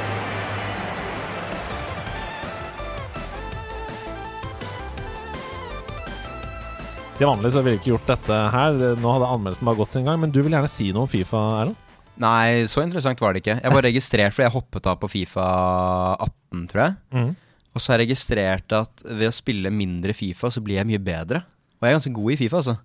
Men det er noe med at det er, det er veldig mange uvaner du tillegger deg. Eh, Mest det bunner i utålmodighet når du spiller for mye. Ja. At du er ikke tålmodig nok til å bygge opp spillet sånn som du trenger.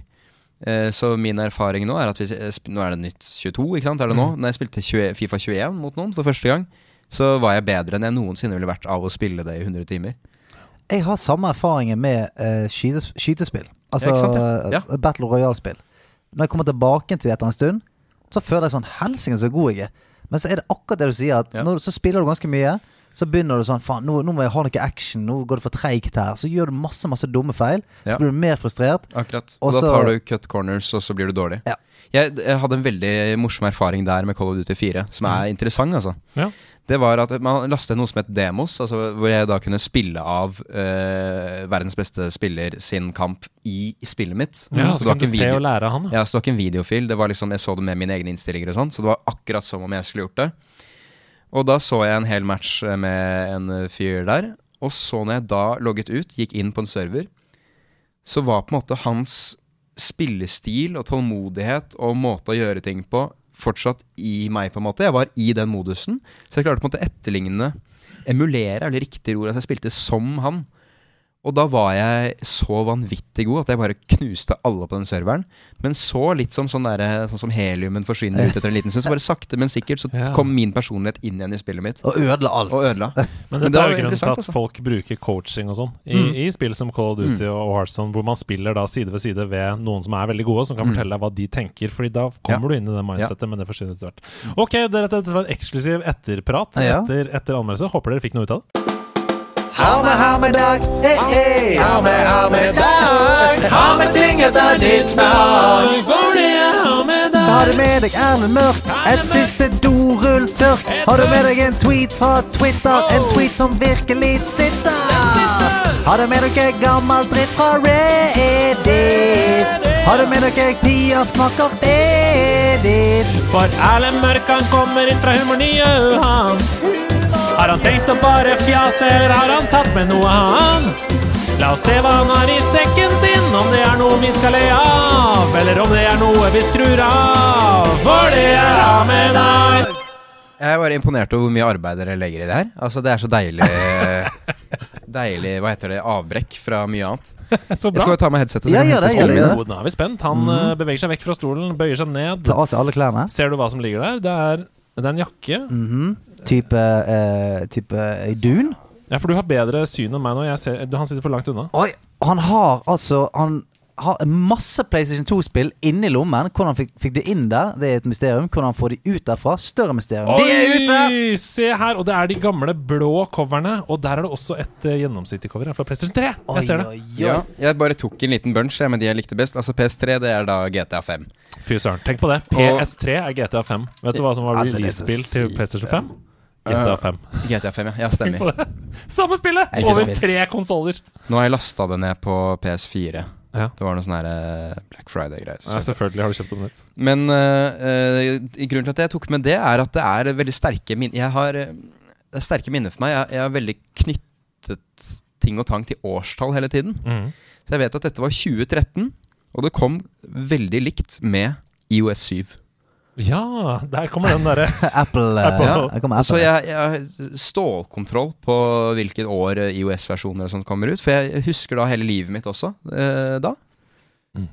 Eh, det var høst, blant annet. Var var det snø? Begynte det med snø? Nei, det var ikke snø. Faen. Begynte ikke med snø. Men her er det Altså, jeg ser Harry Potter og Mysteriekammeret, det har vi snakka i hjel. Men det er tre andre titler der som vi nesten ikke har snakka om i denne Everything or Nothing, James Bond. Uh, what? Uh, Everything or nothing. Jeg har aldri hørt om det spillet engang, tror jeg. ikke sant? For meg, det er det store James Bond-spillet. For meg, Golden Eye har ikke jeg helt eh, spilt. Kan jeg se på det? Ja, ja. For et av mine store spill, selvfølgelig Golden Eye, men Nightfire var også et veldig stort spill for meg, og det var PlayStation 2. Og da kunne du spille med Ronin, som var en sånn um, eh, koffert som åpna seg. Så, rakakaka, så skjøt den. Ikke jo- sant, ja. Men disse elementene har du her også. Altså, Altså du har, guided missile som du tok over. Ja, du, det har, så har du lignende ting her. Du kunne eh, legge ut en liten edderkopp.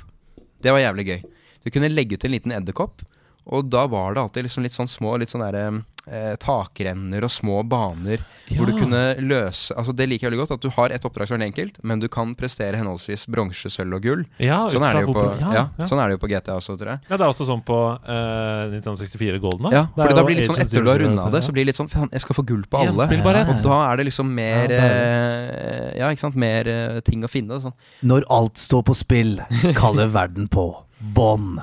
Nå med tredjepersons perspektiv, nytt omfattende kampsystem, varierte kjøreoppdrag og samarbeidsmodus for to spillere. Oi, co-op der, ja. Ja, det spilte jeg aldri. Eh, jeg var ikke en ensom gutt, men eh, jeg spilte aldri det. Men det med tredjepersonsperspektiv, det er kanskje litt eh, interessant, fordi jeg tror det har noe med at folk som Det var litt sånn terskel å komme inn i first person eh, for en tiåring som bare har spilt Fifa. Mm. Eh, ikke sant? Det er noe du gjør fordi du har gjort det før. Mm. Gjerne Hvis en ny person setter seg en spiller, så ser, vil, ser du det helst utenfra. Mm. Så kanskje det var det som gjorde Everything or Nothing veldig appellerende til uh, normis som meg. da Og der kommer det noen godsaker der òg. Altså Ringenes herre atter en konge. Ah! Ai, ai, ai, Et av de beste actionspillene som er laget. Helt, helt strålende. Uh, og det var en tid hvor kanskje det er sånn nå også, men hvor liksom spillproduksjonen samarbeidet veldig med filmselskapet. Mm. Eh, Spiderman er kanskje litt sånn, det er Sony, liksom. Ja. Uh, Et av de få spillene basert på en film som faktisk er bra. ja. Ringenes Eh, herre-spill er jo De er dritbra. Og du kunne spille som Gandalf der med to staver. Ja, ja, det, ja, ja. det er helt vilt. Og der, apropos liksom sånn eh, gjøre ting til bronse, sølv eller gull, der også var det jo veldig mye sånt. Og den hadde en strålende samarbeidsmodus. Så der satt vi liksom to stykker på overnattingsfest Mm. og hørte på Absolute, Absolute Hits. Den der med Gynter Oh, you touch my ta-la-la.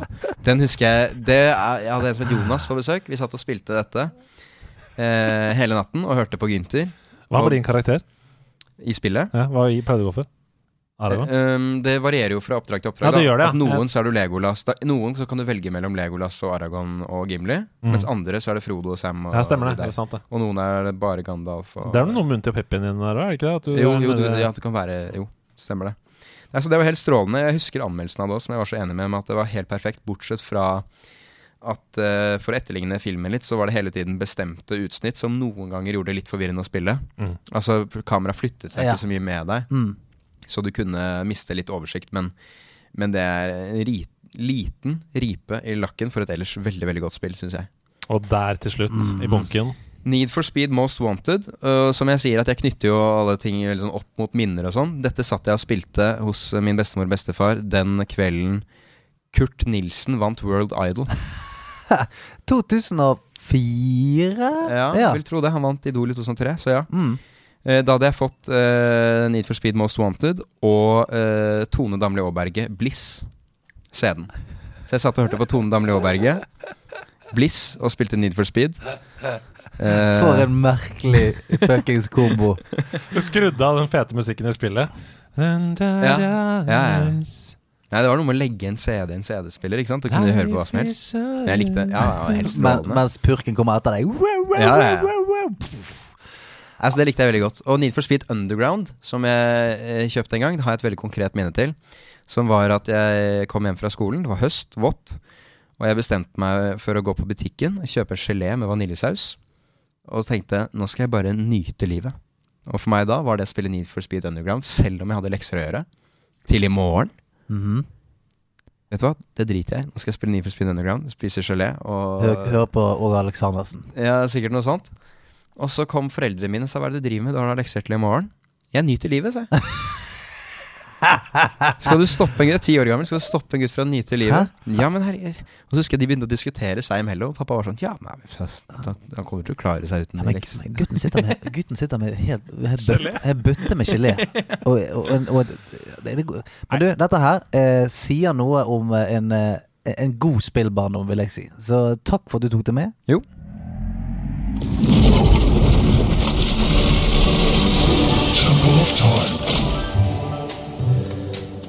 Det stemmer, vi åpner uh, The Gates of the Temple of Time, denne konkurransen hvor, som splitter internett. Uh, The Gates der, of Hell. eh, The Gates of Hell. Hver uke tar oss gjesten med seg et spill som du avslører for oss, en av programlederne.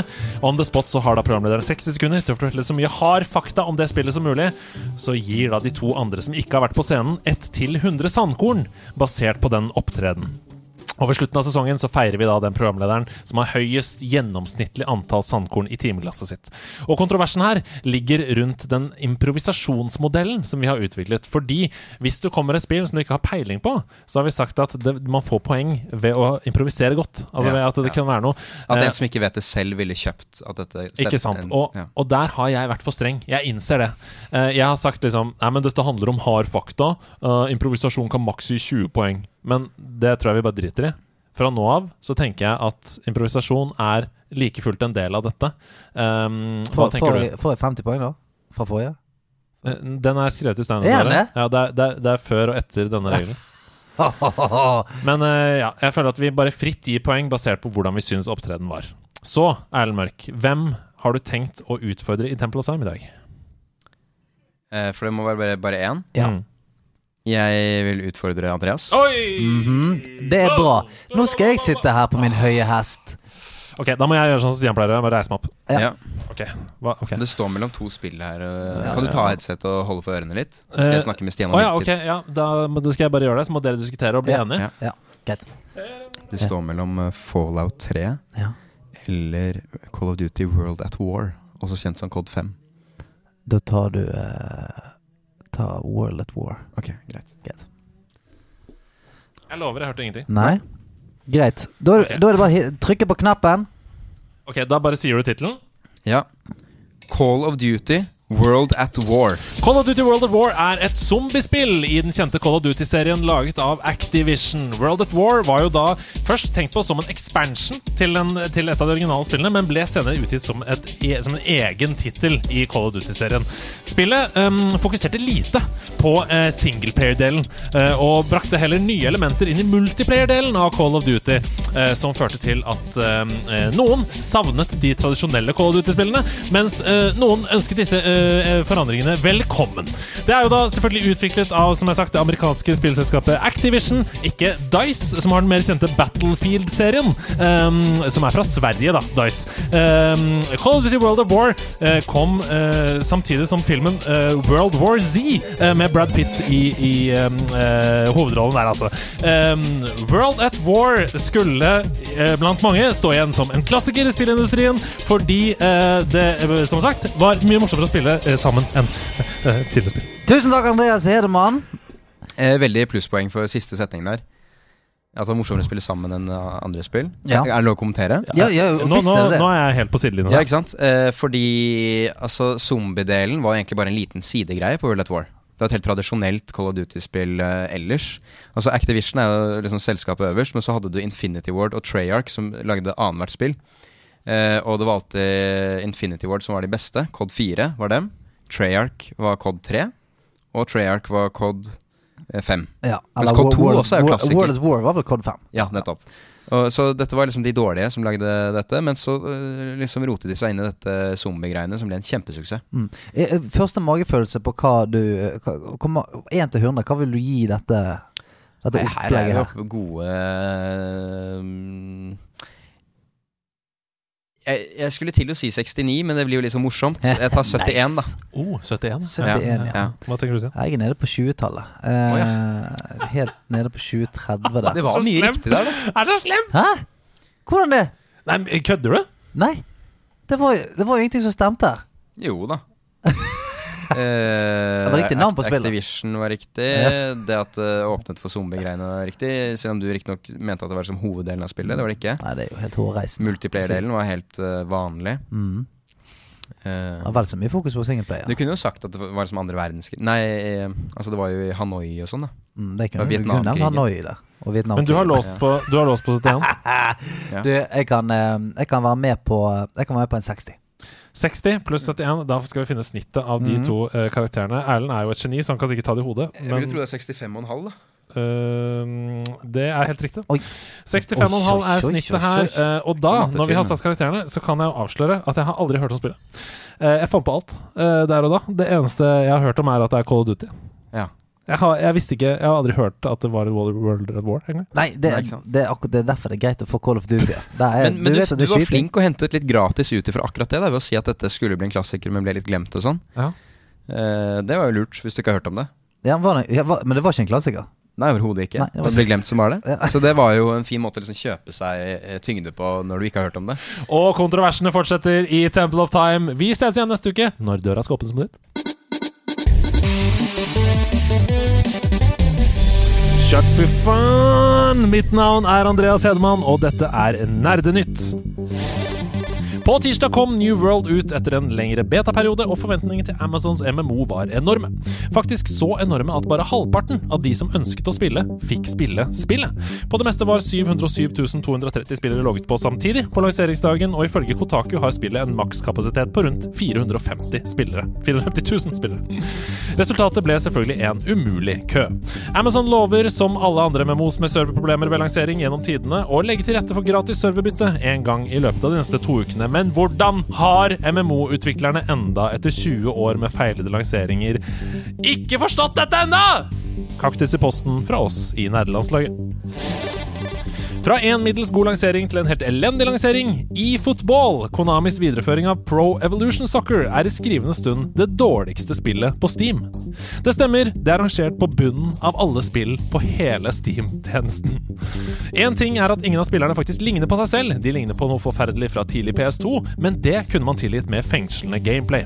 Dessverre minner ballfølelse og kontrollsystemer mer om gamle, keitete mobilspill enn et moderne fotballspill. Eurogamer kaller lanseringen bisarr, og konkluderer med at spillet overhodet ikke er klart for lansering. Med andre ord fikk vi tidenes beste Fifa-reklame i form av tidenes verste konkurrent. I høstferieukene 40 og 41 så ønsker politiet å invitere barn og ungdom til å bli med dem og game. Eh, Formålet med tilstedeværelsen er å være der hvor barn og ungdom ferdes på internett for å skape trygghet og tillit. Eh, Og I tillegg så oppfordrer politiet foreldre som har barn som gamer, til å involvere seg i barnets gaminginteresser, slik flere foreldre gjør dersom barnet eksempelvis spiller fotball. Politiet skal gjennom disse to ukene spille Fortnite, Minecraft, League of Legends og ha opprettet en egen Discord-server der du finner tidspunkter for når du kan spille og chatte med politiet. Den finner du ved å google 'Politiet høstferie gaming'. Kommer og ukas hovedsak Hmm? Det kommer til å backfire. ja, Discord med politiet. Og så har vi kommet til ukas hovedsak, og det er en meget nyttig brannfakkel. Eh, Vi får se hvor mye vi går inn i dette, men e-sport har jo i lengre tid vært nektet innpass i Norges idrettsforbund. eh, og tidligere denne uka her så skrev journalist Erik Fossum i Pressfire en masteroppgave forkledd som kronikk, uh, der han inngående la fram sitt syn på hvorfor det er en korrekt avgjørelse. Jaha. Kronikken er på 26 sider. Tett på 50 000 tegn, så vi skal åpenbart ikke uh, gå i dybden her. Vi skal bare skrape litt i overflaten. Men jeg har valgt ut noen påstander som jeg tenker kan være spennende å diskutere, som dere kan være med på her. Uh, og så har jeg, tar jeg først et argument fra hans artikkel, og så stiller jeg dere et spørsmål knytta til det argumentet i bakkant. Så her kommer første sitatet fra artikkelen.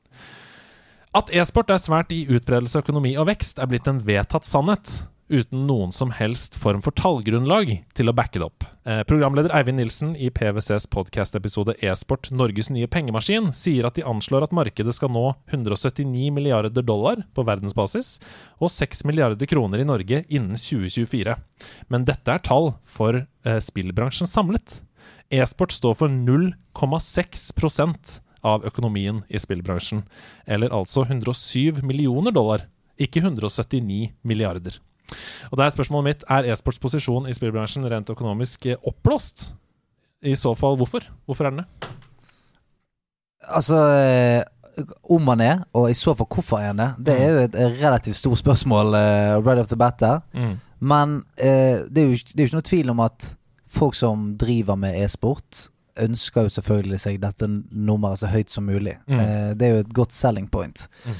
Eh, så det er nok tidvis veldig oppblåst, ja. For det, det er jo en slags Det slags gullrush eh, som skjer nå, når det kommer til til e-sport og gaming. Det er jo, selv om det har vært rundt omkring eh, i gud vite hvor mange år e-sport har vært en ting, så er det nå blitt hot shit.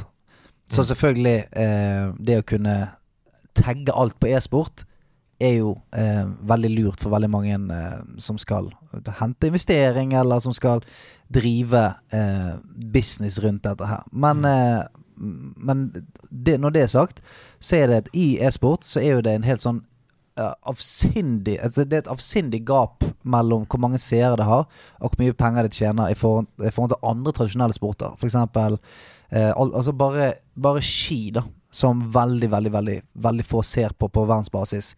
Tjener jo veldig veldig mye penger i forhold til hva, hvor mange seere de har. Mm. Mens e-sport, som eksempel altså Intel Extreme Masters, har vel rundt 200 millioner seere i løpet av eh, perioden de spiller. Eh, og tjener vel en attendedel, tror jeg kanskje, av, eh, av det Men er det ikke andre bare å slenge inn i reklame, da? Så er det løst? jo, men altså det, det kommersielle, Den kommersielle verdens syn på e-sport er også eh, noe, an, noe annet enn ski. Altså Hvis du sitter på, uh, sitter på den kommersielle siden hos Vasa, Ja. så tenker du at ja, men ski og Northug, det vet vi hva er. Det er kult, folk elsker det. Mens på en måte Fortnite og Nyrox, Ja. da blir det plutselig litt Altså- gresk for uh, Geir. Dynamikken der er jo gjerne at du Det hjelper ikke hvor mange som ser på uh, Altså om en milliard uh, mennesker ser på noe, og alle har en formue på null kroner, og en inntekt på null kroner, så er det ikke verdt noe som helst for annonsører. Mm. Så det er jo på liksom kjøpestyrken til, Ja. til eh, seerne. Så kanskje mange eh, annonsører her ser at det er stort sett barn som ser på. Men man, det burde jo være mulig, og da Altså, de overbeviser jo foreldrene sine om å kjøpe veldig mye greier. Så jeg syns det er rart at ikke man Ja, og så er jo Erik Fossum er også inne på det i artiklene sine. Han sier f.eks. at um, eh, i 2019, da Fortnite hadde VM, så brukte de 800 millioner på uh, å markedsføre det, men tjente null. Uh, men de hadde inntekt på in game-kjøp i Fortnite, Ja. altså selve spillet, på 48 milliarder dollar eller noe sånt. Altså helt insane. Så det er sånn, selv om de ikke tjente noe på e-sport-delen, så er det en markedsføringskanal på selve spillet. Og Ja. det, når folk da regner økonomien inn, så regner de jo selvfølgelig med eh, det, ikke sant? For det er en synergieffekt osv. Jeg vil jo si, altså det er sånn uh, Spillindustrien trenger på en måte ikke e-sporten, da, åpenbart, for å tjene pengene. Mens fotball Å se fotball som idrett er den eneste måten å se de beste gjøre det på. Mens i e-sport så har du kanskje tilgjengelig bare sånn Twitch-streams. Altså, man trenger ikke den konkurransedelen av det, egentlig. Den organiserte lagidretten trengs kanskje ikke på samme måte for å Interessant tanke. Ta så Hold den uh, tanken rundt tradisjonell idrett, for her kommer det neste uh, argumentet. I toppen av CSGO er det tilnærmet krise for tiden. Riot kaster så mye penger på å utfordre Valorant at flere industrieksperter frykter at hele elitenivået i CS kan være borte om få år. Allerede er toppnivået i Nord-Amerika så godt som forduftet. Om det skjer innen få år eller 20 år, det er ikke så viktig. Faktum er at CSGO kommer til å legges ned og byttes ut en dag. League of Legends kommer også til å legges ned, og Heartstone lever aldri i verden ti år til. E-sport består, men e-sportene bukker før eller siden under, før det neste kule Slik er dynamikken. Det finnes derimot ingen kommende Ishockey 2 som tar over for ishockey og sparker ut alle som driver med ishockey 1. Og da er spørsmålet mitt til dere, hvordan skal man deale med dette? Hvordan, hvorfor skal man bli utøver i noe som man ikke vet hvor lenge eksisterer? Eh, og ikke minst, bør man da kanskje i stedet sjangerspesialisere seg? Altså bør man spesialisere seg på skytespill, og ikke nødvendigvis Ja. nettspill? Ja, for tenker du som, som utøver Mm. Altså som utøver så vet du at selv om ikke sporten din består, så består jo ikke du. Eh, altså en, Forsvinner ikke du, mener du? Nei, altså jeg tenker at en fotballspiller Ja. vet jo at selv om fotball kommer til å være rundt 200 ja, år, mm. så har jeg eh, Jeg har maks til midt 30-årene, Ja, kanskje, Mm. før sporten er ferdig for meg. Mm. Eh, mens en som driver med e-sport, kan jo i teorien holde på med det så lenge de gidder. Der, Eh, der er jeg uenig. Okay. Fordi eh, jeg vet i hvert fall med meg selv at eh, mine evner i Call of Duty, som jeg hadde opparbeidet meg, var helt verdiløse i CS. At eh, overføringsevnen er Altså, du spesialiserer deg på et spill, men da er det gjerne så små eh, ting og tang som du blir veldig god på, at det ikke nødvendigvis har noe verdi over i et nytt spill, da. Så argumentet, skjønner ikke sant? For argumentet til Erik Fossum her er jo at det er spillselskapet som eier e-sporten, ikke et Mm. idrettsforbund. Ikke Ja. Så hvis Mm. Valve da bestemmer seg for å legge ned CS, så er det ikke så Hva med alle utøverne da? Skal de bare gå over til eh, Valorant, da, for eksempel, og være gode der? Er det Det kan de vel? Ja. ja, kan de det? Det er spørsmålet. Ja, altså, det, altså dette ser man eksempler på veldig ofte. Altså folk som eh, Altså folk som driver med, med f.eks. førsteperson på høyt nivå. Altså du har sånne spiller som Shroud, som f.eks. har gjort, uh, gjort det stort i CS. Mm. Som gjør det veldig, veldig bra i mange I Valorant. Og gjør det bra i, i andre uh, uh, Ok, Okay, så du mener at en god gamer er en god gamer, på en måte? Er, Ikke en god seg gamer er en god gamer, men hvis du er FPS-gamer, da. ja, hvis du er eksepsjonelt god FPS-gamer, så tror jeg at du klarer uh, med dedikasjon og, å, å dreie. Altså så det vil si at Hvis du har spilt CS i 15 år, Mm. og Valorant kommer ut, Mm. og, eh, og man sier det som et lag at du, dette her kommer ut nå, vi ønsker, at, eh, vi ønsker å, å satse på dette spillet her. Mm. Så tror jeg at det er jo selvfølgelig en enorm eh, fordel. Nummer én, å ha spilt førstepersonsspill lenge. Og ikke, ikke minst at du har det som er jobb. Du får tid og ressurser til å, å bli god i det spillet også. Men det er jo, jeg syns det er egentlig et veldig interessant spørsmål. For du kan se for deg sånn i dag hvis, hvis fotball blitt utviklet av et selskap, og de på en eller annen måte satt eh, med muligheten til å slippe inn folk eller ikke som ville spille fotball, og de kunne ta en sum for det. Eh, hva ville skjedd? Superligaen. Ja, ikke sant? Eh, Mm. Men ikke sant? vi er så heldige at fotball har eksistert eh, så lenge, og oppsto på et tidspunkt før disse mekanismene var i sving. da Mm. Men da ville jo et eller annet selskap Et annet selskap bare lagt masse penger i fotball 2 og gjort det litt mer, og så bare blir alt fragmentert og Mm. helt grusomt. Så det måtte jo vært å liksom bestemme seg for ett spill. Men CS er kanskje det som er nærmest å være en sånn bauta som består som konkurranse. Ja, fordi, men ok du- Hva skjedde med Starcraft, eksempel? Fins det? De lagde Starcraft 2. Mm, Det ble Ja. ikke like populært. De la det ned. Ja, og så kom jo League of Legends, som fant den der betalingsmodellen, som egentlig basically var en slags eh, barneversjon av Starcraft, som folk likte bedre. Vi kan diskutere dette evig. Helt til slutt, argumentet her. E-sport er fantastisk gøy, sier Erik. Og det er liksom viktig for meg å få med dette, for han, han hater ikke på e-sport. Han skriver det er morsomme spill å spille, det er festlige turneringer å delta i, og flotte publikumssporter når de beste braker sammen. Det er underholdning, det er lasershow, det er glitter og stas, slik bare e-sport kan gjøre det. Så la oss la det være nettopp det, og ikke å forsøke å vri til et idrettsbasert apparat for organisert bredde- eller toppidrett. Dette er ikke vanlig idrett, selv om konkurranseprinsippene er de samme. Bransjen, slik den fremstår i dag, er altfor useriøs og amatørmessig drevet til at statsfinansiert satsing gjennom idrettslag og på skole for at unge skal gå inn i e-sport, burde forekomme. E-sport har ganske enkelt ingenting i et seriøst idrettsforbund å gjøre. Er dere enig i det? Jeg er helt enig. Jeg synes Han virker som han vet hva han snakker om. Nei, jeg er, jeg er uenig. Ja, Ja. fortell. Nei, altså jeg, jeg er uenig i at ikke man skal kunne satse på dette her eh, på samme måte som eh, vanlig idrett. For det at vanlig idrett, for 99,9% av alle som driver med det, er bare gøy Ja. og kult. Og ingen, det er ingen av eh, altså, som skal til Juventus med det første, Nei. eller lever det. det. Det er jo noe som skal eh, eh, Selvfølgelig, i og med at det er organisert idrett, det er skikkelige folk som driver med det, det er opplæring, det er kameraderi, alt mulig, så er jo det eh, akkurat det som han beskriver her. Ja. Ja, det, det er jeg enig i. Så, liksom, så problemet der ligger jo litt i liksom samfunnets eh, anerkjennelse av det som en sunn ting å drive på med. Ja, det er er det- den som mangler, på en måte. Men Mm. jeg, jeg likte det han skrev om sånn Kan det ikke bare få være det? det jeg tenker liksom, Hvorfor skal man på død og liv liksom ha noen sånne folk i dress til å blande seg inn i. Se på liksom, alle idrettsforbund sånn, er bare stappa med korrupte folk eh, overalt uansett. Hvorfor skal man blande inn et Fifa eller et Nei, altså det er ikke sikkert man trenger det, men at man får eh, midler til å, å bedrive eh, ut, Utdanning, u, for utdanning, for eksempel, og eh, at man har sjanse til at ikke man må ha en sponsor på hvert event for å kunne bedrive det. Altså at folkehøyskolen eh, på bygda må ha midler fra et eller annet sted for å kunne sette opp en e-sportsatsing. At ikke dette her er eh, bemidlet fra en statskasse noe sted, osv. At man Mm. får eh, At man får den samme schwungen rundt det som man Hvor skal de pengene komme fra, da? Nei, altså det, det må jo være Over Av skatteseddelen. skatteseddelen. Ja, men da er det sånn, Skal fellesskapet betale for en skole som lærer opp folk i noe som kanskje ikke fins om tre år? Ja. ja, nei, argumentet for å lære folk opp til å bli eh, sjakkspillere, da, for eksempel, Ja. vil jo også være Sjakk eksisterte tusenvis ja, år. Og det vil jo finnes, men fra et idrettsfysiologisk perspektiv. For det vil jo det si at, ja, det vil jo si at helse, eh, altså samfunnets eh, helse vil gå opp ved at vi bruker penger på at folk blir fotballspillere, Ja, for for jeg, jeg bare synes argumentet eh, at eh, La oss si det, da. Skal man trene opp folk i en sport som er vekke om tre år? Mm. Eh, men det, altså, den sjangeren er vekke eh, om tre år, det er, det er jeg enig i. Men jeg må bruke det samme argumentet igjen. Med, med fotball Mm. Gud bedre hvor mange som går på fotball i tre år, Og ikke finner ut at de ikke de, de syns dette var gøy lenger, og stikker. Eller folk som driver med det i 15 år, men som fremdeles eh, kanskje spiller på et syvende divisjonslag fordi de syns det er fett. Ja, fordi nettopp det.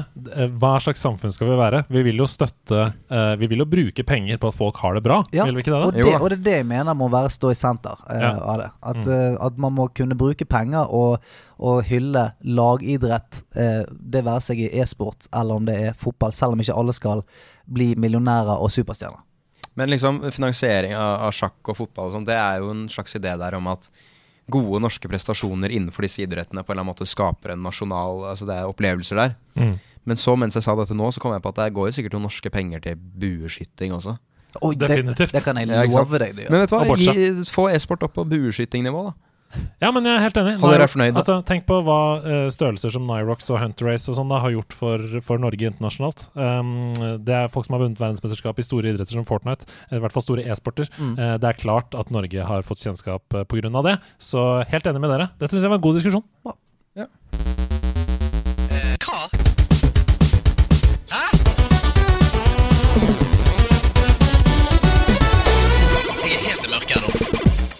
Erlend Mørk, eh, du må ikke misforstå dette her, men jeg tror ikke du er fyren som hadde takket ja til å dukke opp på Beat for beat på NRK. Det stemmer. Men å dukke opp på Bit for bit på nederlandslaget, vel, det tror jeg de kunne fort sagt ja til.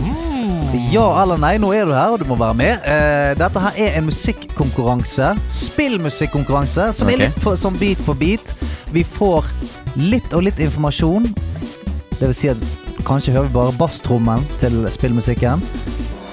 Klarer vi det da, får vi maks antall poeng. Må vi spørre om ett til tips, så kommer kanskje gitarsoloen oppå. Da får vi litt mindre poeng. Ok, Hvis jeg skjønner. jeg Hvis vi må be om skjønner. Ledetråd på quiz, på. Yes, Ja. yes, yes. Og her kommer da første oppgave, første ledd. Dere må selvfølgelig huske å rope navnet deres når dere skjønner hva det er vi er ute etter her. Hvilket track er det vi er ute etter? Um, og det er, det er navnet på spillet vi skal fram til. Mhm. Uh, husk å rope navnet. Er dere klare? Det er konkurranse, Erlend. Det er konkurranse. Det er førstemann til å vite hva det er.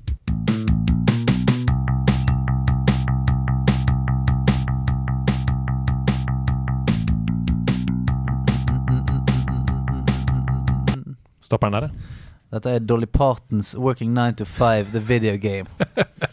Den er ikke dum. Nei. Tenker bare på han derre Davis504 på YouTube. Han derre bass-italieneren. Ja, han, ja. Nei, det er ikke han Det er ikke hans spill heller. Nei. Davis 504, The Game. Ja. Eh, welcome to the morning, Setter seg der. Klarer ikke å få det til å holde. Nei, det er ikke riktig. Dolly Parton. The Red Dead Redemption 2 Dolly Parton DLC. Jeg gjetter på Ratchet and Clank. Å, det er ikke riktig, men det er bra at du tipper. Okay. For det er veldig ofte så har folk tippa, og så har de fått det riktig. Jeg er mye bedre det enn Nei, jeg vil ikke tippe. Hva vil du? Rayman, mente jeg. Rayman. That, ah, Rayman? Nei, ikke Rayman. Uh, yeah. Uh, er, er det Star Fox? Nei, det er det ikke. Her kommer neste ledd.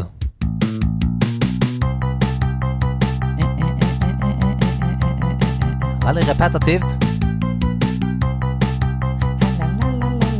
Der fikk dere ti sekunder av den nå. Ah, det er jo ingenting. Det er jo ingenting.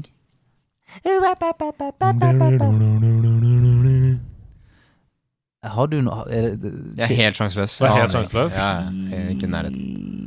Jeg kan si at vi skal til Nintendo GameCube. Og vi skal det, ja. Eh, Konsollen med håndtak. Jeg spilte en GameCube en gang. Mhm. En som heter Øystein. Kanskje han hører på? Hei, Øystein. Men uh, Øystein fra Drammen. Og det er lite som kommer ut av Ja, munnen deres her. faen, altså, jeg har ikke nubbings, altså. Det har ikke nubbings. Jeg tror du kunne sagt de La oss si det er tre ord i tittelen. Kunne du sagt de to første, og jeg vil fortsatt Å ja. Nei, det tror ikke jeg, nemlig. For her kommer siste ledd. Rop navnet deres når dere vet hva det er.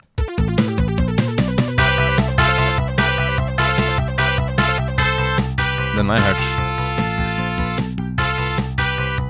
Stian, det er jo eh, Det er jo Mario Kart. Det er ikke det. Hæ? Men denne låta her har vært lik helt siden det første spillet. Um, oh. Den har bare utvikla oh. seg ut fra hvilke nye spill som har kommet i serien. Og hva er dette for noe, da?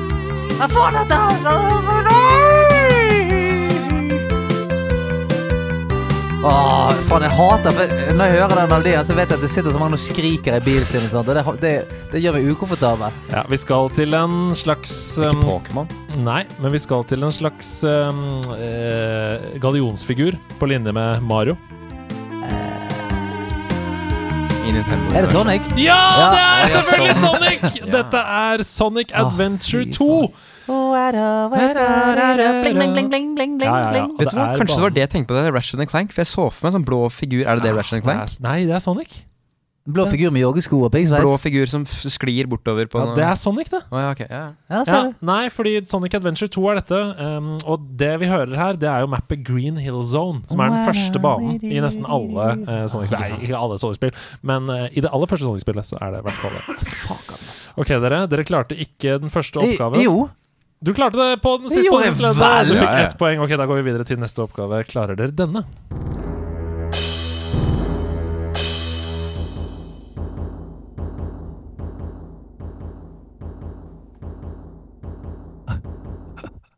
Skyrim. Oh, ja, nei, det er ikke riktig. Fallout. Go, go, go. Det var Men ja, er det tittelsang, eller er det sang fra en bane? Det er sang fra et område, ja. Mhm. Mm -hmm. Dun, dun, dun. Eh, eh, denne her har jeg tippet så mange ganger, men den må sitte snart. Eh, Hver gang det pauker, så er det Det er, det er Mario eh, i, det der jævla luftskipet. Nei, det er ikke Er det ikke? Jeg tipper det hver gang. Du, du, du, du. Bu, bu, bu. Nei, det er ikke det. Det er ikke Mario, Super Mario 3 oppi luftskipet. Nei, ikke det. Nei, nei.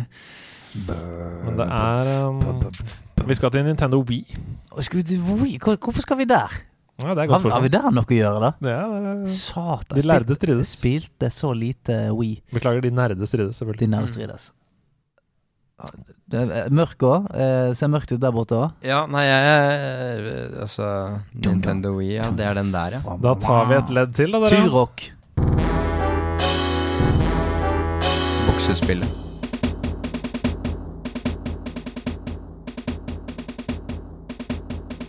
Å ja, nei, ja. Dette her Vi, er, vi, skal, vi driver og slåss her nå med Zelda. Eh, med Link. Vi driver og fighter med Link. Det er det vi gjør, vet du.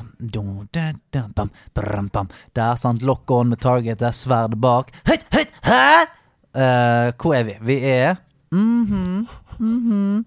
Vi er eh, Vi er nok på Nå er vi inne på Spiritfarer. Far, Farer, Spirit, Spirit Face. Jeg kan bare The Nei. Legend of Zelda, men det er vel kanskje overtittelen. Vi skal til et Zelda-spill. Ja, jeg, det vet jeg, men uh, Det kan jo faen være alle Zelda-spillene. Men jeg var prøve å finne ut hva som var på Wii. Det, eh, det På Wii så var det jo uh, Wind Waker, sant? Det var der. Og så Er det Wind Waker? Nei, Nei. men det var var på Wii. ja. Det var det.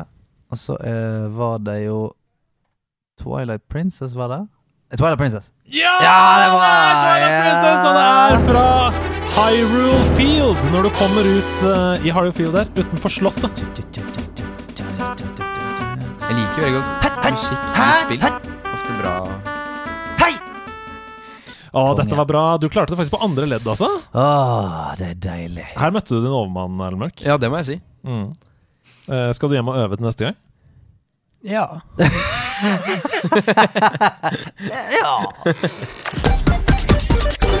Hva står på korktavlen? Jo da, Korktavlen er jo spalten hvor folk sender inn lapper, MP3-filer, hva verre er. Og helt kjapt før vi kommer i gang, så har det rent inn en melding helt på tampen her. Hei og hå, skinnvest og karsk. Hei, hei. Hopper inn med en aldri så liten gledelig nyhet, for det blir nederlandslagets julebord i Trondheim i år! Ja. ja, ja, ja. Vi har booka bord på EC Dals pub og kjøkken i Trondheim den 27. november og garanterer en alle tiders kveld med god mat og herlig stemning for alle som slenger seg på. Det mest trønderske eh, navnet jeg har Ja, hørt. det er helt sjukt. EC Dals bar og kjøkken. Ja, det er så Det Har er du merket det hvordan Hvis du hører om utesteder i andre byer enn du er fra selv, så høres Eller i hvert fall mindre byer, så høres alt stusslig ut. Ja. Hvis du er i bare Men EC Dahl er jo en ærverdig ølprodusent, så nå må dere slutte å Nei, men, samme, men sånn hvis du er i Fredrikstad eller Stavern eller whatever så, Ja, vi stikker på eh, Gjerten. Så er det sånn Gjerten. Ok, um, her er det viktigste med denne meldingen. Mer info og skjema for påmelding finner du i Trøndelagstreff-kanalen inne på Discord. Håper vi ses. Hilsen Ingerock og Pyso. Og så begynner vi i gang med korktavla her. Hei, Erlend! Hei. Ja, det er til meg, ja. Ja! Humor Nye lager masse morsomt innhold og er involvert i serier av typen Bordtenniskameratene og fan av Flint. Ja. Kan vi kanskje få en serie av typen Humor Nye starter e-sportlag i fremtiden? Hvem ville i så fall vært stjernene på dette laget? Kjøttet går. Hilsen Totembar.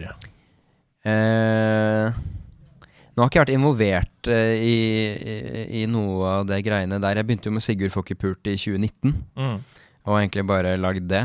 Det kommer to nye sesonger nå. Vi har spilt inn fire sesonger. Oi, wow! Det er ikke med, jeg vil Fjern det gjerne. Nei. Her, her, har vi plugge. lov, her, lov, her hyller vi plugging. Nei, jeg vil, jeg vil helst ikke plugge. Nei, Det er bare for å si at jeg har ikke plugget Det var ble plugget. vært borti de greiene der. Men uh, Men nå, da. Hvis du skulle satt deg bak Humor Njø-spakene og lagd, ehm, og lagd serien Humor Njø starter e-sportlag, hvem hadde vært stjernene på det laget? E-sportkameratene. Ja, nei, Kim Grina Midtli. Ja, si. ja, altså, da, vi, da vi liksom satt på kontoret der, han var jævla god på Fifa. Eller han satt bare med de kortene. Ja, Futt, ja. Ja. ja. Ja, han kunne jo ha starta Han kunne jo spilt uh, sikkert Fifa på høyt nivå, han, hvis det hadde vært uh... Ja, jeg tror ikke han, han var ikke noe særlig bedre enn meg i vanlig spilling, men han drev mye med de kortene. Men Fifa er i høyeste grad e-sport, det. Det er mange som utøver Ja, men jeg, jeg så en sånn video om hvorfor det aldri slår ordentlig an. Og det var vel eh, et eller annet om at i hvert fall på høyeste nivå så ser det ikke veldig underholdende ut. Ja, skjønner hva du mener. Ja, nei, ok, jeg kom ikke noe nærmere et svar på annet enn Kim Midtli og du, da. Skulle vært med på e-sportlaget i Fifa. Men det er jo en stødig duo, det, da. Ja, ja. Ja, det er deilig. Jeg er jævlig god i Fifa med Marcus Bailey. Oi! Ah, ja, når dere Jeg spiller sammen. på, ja, jeg spilte med han en gang på um, ball. Ja. Eh, der satt vi og spilte Fifa mot to andre, og vi var så gode. Altså, det, altså han, du, du vet når du liksom merker at vi to sammen er bedre enn man er aleine. Mm. Fordi stort sett er man liksom best aleine Ja, på Fifa. ok, Det er ikke galt. Så dere er Norges ukjente Ja, ja. superduo i Ja, Fifa? Jeg og Marcus Bailey på Fifa. Ja. Til alle dere som, ikke hø som er fra Oslo nå, som hører på. Ikke sant, Ball høres som litt stusslig ut sted. Ja, ikke sant? Vi skal spise, skal spise i kveld, på ball. Ja. ja, men jeg tror det handler om steder som er mindre. Nei, For det er sånn jeg hører det, Det er stusslig i Oslo, Ok, da. ok. Spørsmål til podkasten. Hvilket spill angrer dere på at dere betalte full pris for? Hilsen Marius. Er- Kommer det opp noe sånn umiddelbart? Eh, Ja, det er faen mange. Men eh, Det er alle de fire siste jeg har kjøpt, da. Ja, er det det?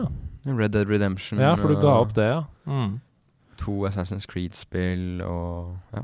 ja. Ja, faen. Altså, uh, Demon Souls. Ja, det kjøpte du til PS5, ja. Ja, for 700 spenn. Så, Mm. og det Jeg fikk ikke 700 spenn av, i glede ut av det. Eh, jeg kunne heller gått på kino fire ganger og sett en helt ok film. Oh, ja. ja. Eh, ja, jeg kunne sett en helt ok film. Samme filmen fire ganger på kino. Ja, jeg kommer ikke på noe sånn right off the bat, selv om jeg har jo kjøpt en del spill på Steam og sånn opp igjennom som jeg bare har blitt liggende, fordi jeg har tenkt sånn Dette er et spill for meg, og så har det bare blitt liggende. Ja. Um, jeg tror kanskje Vet du hva? Nå skal jeg si noe. Uh, Red Alert, den remasteren. Ja. Det kom Red Alert 1 og, og, og Command and Conquer eller noe sånt. Ja. Kom i en pakke. Men du, Det streama jeg én gang, Ja. Og så spilte jeg det ikke mer. nei, men hvis faen altså, Selvfølgelig Warcraft 3 uh, Reforged Ja, uh. Deluxe Edition Ja. kjøpte jeg. Den spilte jeg en halvtime. Vekk med det! Ja, faen. det. Call of Duty et eller annet. Ja, det er sant. Kjøpte uh, eh, full pris. vet ikke hva det heter engang. Warzone, eller noe? Å ja, helvete! Shots fired! Shots fired, det er så mange som spiller Warzone. Oh, ja, ok. Ja. Men det, det er jo Battle Royale-delen. Ja, det virker jævlig gøy, men uh, Ikke sant, ja. For det var den jeg egentlig ville prøve. Men så var det De har delt opp spillet i to på en eller annen måte. Ja, de har det. Det er, Warzone det, det er en som er Battle Royale, og så er det en som er på en måte Ja. spill. spill. Og det skjønte jeg at dette hadde jeg virkelig likt å spille hvis jeg hadde orket å sette meg inn i det. Call of Duty bare sånn eh, Please, åpen. Spill Warzone. Altså Ja, ja. alt du har sagt i dag. Du kommer til å, du kommer til å forsvinne inn i spillet igjen. Ja, kanskje det det. Ja, det vil jeg gjerne gjøre. Ja. Denne her kan vi svare på kort på. Jeg vet ikke om det er noen andre enn meg som sitter litt på gjerdet i forhold til å teste New World. Jeg blir så altfor hekta på gode memoer. Men kunne Stian gitt en liten anmeldelse av det? Sammenlignet f.eks. med World of Warcraft og Fi- Final Fantasy 14? Hilsen Sigat. Og nå har jo du gitt en ganske god anmeldelse av det. Ja, men jeg skal, jeg skal, jeg skal samle mine tanker eh, løpet av den neste uken. Og så skal jeg eh, prøve å smelte sammen noen velvalgte ord. Men eh, hvis du er redd for å bli avhengig, hold deg langt, langt unna. Eh, hvis du tenker at det kan være greit, så må du, må du, du må gjøre det. Kjola hopp for gjest- og nederlandslagstrenere. I 2010 så bestemte McDonald's i Japan seg for å utvikle et Nintendo DS-spill som skulle brukes som opplæringsverktøy for de ansatte. Spillet var linket opp mot hver enkelt sin ansatt og skulle gjennom små oppgaver lære deg hvor lenge pommes fritesen skulle steikes, hvor mange sylteagurker som skulle på hver enkelt burger, kundebehandling og hva det måtte trengs i verdens største fastfood-imperie. Så hva konsoll og spillsjanger tenker de hadde vært perfekt for yrkesopplæring, og for hva yrkesgruppe? Hilsen Esel. Så se for deg da at det er en yrkesgruppe som trenger å lage et spill for å lære opp sine ansatte. Eh, hvilken konsoll, hvilken sjanger. Ja, og så, det- Den finnes ikke ennå. Dette, dette spillet dette, er- finnes dette ikke er ennå. fantasi. La den frie fantasien. Ja, for det, det er jo jækla mange spill som har veldig mange uh, eh, Truck ting- Simulator. Ja, Truck Simulator. Ja, altså, Goat jeg, ser, Simulator. jeg sitter og ser på det der, eh, Formel 1-serien på Netflix nå. Mm, ja. og, og de ser jo hver gang du er hjemme hos dem, så sitter de og spiller. Ja. Og det er også kan jeg tenke meg for, for å begynne å spille, spille rett og slett sånn bilspill. Ja, med ratt og sånn. Og det, det, dette må jo finnes, på en måte, for det, det er så high risk shit. Men sånn kirurgispill Ja, ja, ja. Altså ja, som sånn ikke er liksom Surgeon Simulator, men som er ekte. Altså VR, eh, full blown sånn eh, det, det, Her må du gjøre det skikkelig. Snittet må være ordentlig. Styre blodtrykk. Mm. Gi han 20 milligram Did ditt that dome, og så Oi, oi, oi. Nå skal jeg si deg noe som jeg gjerne skulle ønske meg at hadde fantes, Ja. for da hadde verden blitt et bedre sted. Standup Simulator. Oh, Hvor du kan prøve å ja. være standup-komiker og se hva du får respons på. Du kan Sånn kanskje at- velge responsen, da. Sånn at vi hadde sluppet å få alle de guttene, dessverre, som regel, som har fått høre fra kompiser at de er lættis, og derfor står på standup-scenene. og Jeg, jeg, men- jeg mener det er grunnen til å ikke lage det spillet. For det er veldig gøy å se når de kommer opp der. Og sånn, halla, halla, hvorfor er det så mye jordbær i syltetøyet? Og så sier hun faen, kom det ned derfra. Går Det er en grunn to til at det er gutter, tror jeg. Det er at uh, de etter å ha gått opp første gang, ingen ler, går opp igjen neste uke. Ja. Ja. Selvtillit større enn selvinnsikt. Ja, akkurat det. Ok, det var godt svar, tror jeg. Helt til slutt. Jeg ser at Stian var med på Kjendis-NM i bowling. Ja. Hvordan var det? Frister det til gjentakelse? Hilsen Arvid Espen. Det frister til gjentakelse. Fordi at eh, det, det var en dårlig dag på jobb. Å ja, det var, ble ikke 300? Nei, det var eh, Jeg våknet, jeg våknet for seint. Eh, hadde en, en stjernerunde på slutten der, men jeg våknet for seint. Så eh, jeg, jeg, jeg skyldte på ball. Jeg liker å skylde på, Ja, ja, på, på, på kulen. Har dere sett han som bowla Perfect Game 300 på 9-11? Hæ? På selve 9-11? Ja, ja, 2001, 9-11. Etter at han visste at det hadde skjedd, eller var han isolert i sin egen bowlingboble? Nei, jeg må vel ha hørt eh, litt om det først. Han var på vei for å spille bowling, og så bowla han 300. Hæ? Ja, helt nydelig. Hæ? Altså, det tweeten er liksom sånn My brother just sent me this image fra en eller annen bowlinghall, da. uh, of a dude who played the perfect game on 9-11. Og så har ah, de der Huffington Post eller noe sånn litt sånn tøysete avis gjort et intervju med han hvor han liksom sier at ja, det, jeg syns det var litt kjipt. Det havnet jo veldig i skyggen, selvfølgelig, av, av disse terrorangrepene og Det er det verste jeg har hørt.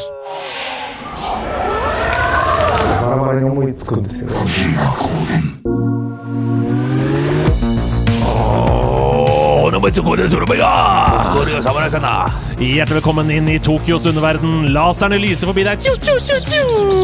Hideo Kojima sitter i rommet her. Og vi skal som vanlig runde av episoden i nederlandslaget med Kojima-koden. Der jeg har laget en rebus, hvor jeg har lullet et spill inn i rebusen. Dere, dere må jobbe sammen for å finne ut av hvilket spill det er jeg skal fram til. I dag skal jeg ha korv. Hvis Ja. det er lov å si. Og eh, det Stian refererer til her, er at hvis dere klarer det i første ledd, så får dere to poeng. Hvis dere klarer det i andre ledd, så får dere ett poeng. Og disse poengene kan dere bruke i Korv Jima-boden, som er en pølsebod i siste episode av sesongen. Mm. Denne, denne sesongen. Skal det fråtses? Det skal fråtses. Så hjelp hverandre nå. Vær flinke. Snakk høyt rundt bordet. Dette er gruppeoppgave. Vi får se hva jeg kan bidra med. Ja. Ja, ja, ja, ja, ja. Her kommer det første leddet. Prøv å deschiffrere hva det er vi skal fram Jeg tror det er et spill. En serie der forbildets navn ble til tittel, som senere skiftet og ble mye mer skitten. Ah, ok. Litt sånn haiku der, var ikke helt rim. Ja, det var Ja. ja. Eh, eh, for- Fifa Street. Oh, Nei, det, det, det, forbilde. å, den er ikke, bare- han, er ikke, han, er ikke, han er ikke dum, den. Han er ikke dum, den. Men ok, så forbild, eh, forbildet ble tittel, men det Å ja, du vet seg. det er Tony Hawk eller noe sånt. Forbildet ble tittel. Men ble han skitten, da? Nei, og så må det være noe sånn dirt eh, altså noe, Kanskje noe, et eller annet rallyspill. McLaren. Og, Et eller annet dirt. eh, oi.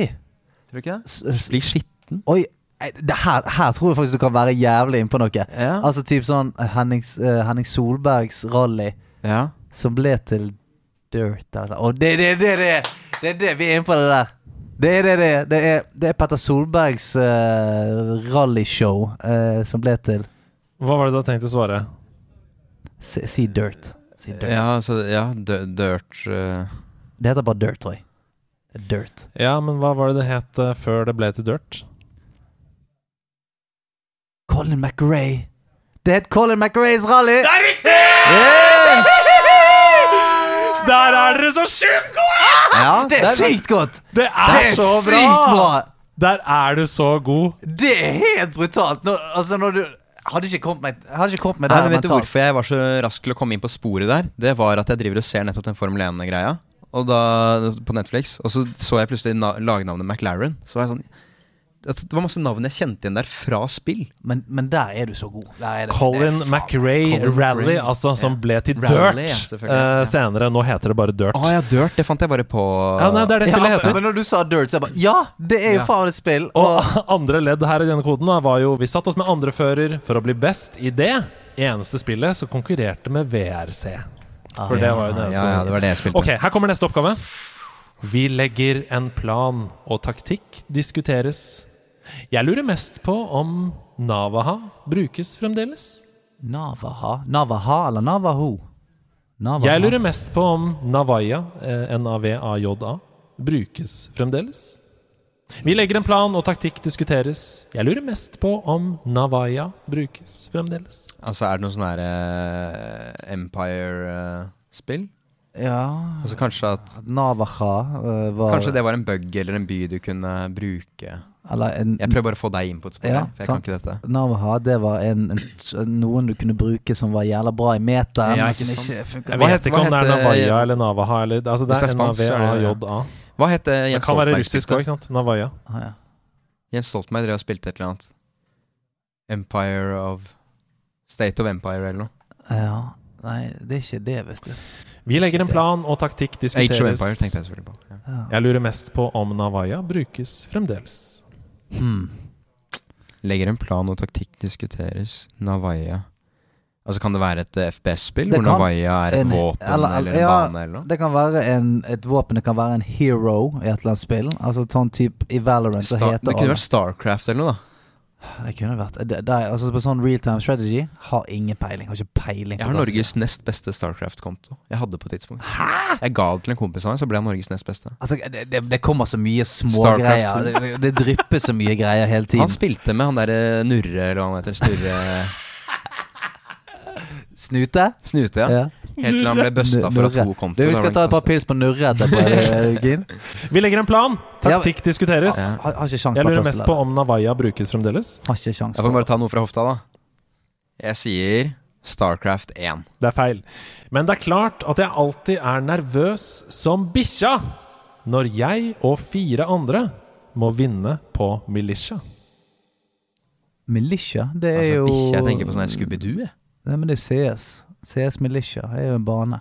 Ikke sant, ja. Counter-Strike. Det er riktig. Faen, jeg sa det jo! Det er CS GO, og du sa det! Du Åh. sa kanskje det er et FPS-spill. Navaya er en kniv Ja. Som ingen bruker lenger. Eh, for det var en kniv som kom i en expansion du kunne kjøpe. Det er bare en kosmetisk kniv. ikke sant? Oh, ja, Den har de samme egenskapene som alle andre knivene, men de forskjellige knivene har jo forskjellige navn, og Navaya var én. Eh, Ja, for det er knivrunde i starten. Ja, det er knivrunde, ikke sant? Og da flipper man den der gamle Navayaen. Ja, ja, ja. Gamle Navaya. Men gutter, det er tre poeng av fire mulige Det- på Kojima-koden. Og Colin McRae Rally, den er så Den, den, god! den står Ja, ja. seg. Den kommer til å stå seg lenge.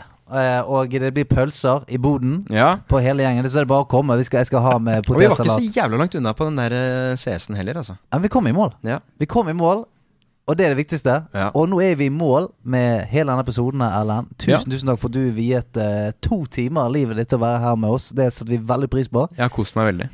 Og uh, du skal slippe å si det sjøl, men uh, kommer to nye sesonger med Sigurd Fokkepult. Ja, det er så Jeg hadde også lyst til å ta det opp tidligere, men jeg ville ikke ta det opp fordi det høres som plugging. Men der spiller vi jo en del spill. Ja. Og det er da Battalion 1944 spiller vi der. Ja. Og det har jeg sett mange har lurt på på Discord Norge og sånn. For det er strategispill, ikke Nei, det er, eh, det er et slags forsøk på å lage Cod 4 på nytt.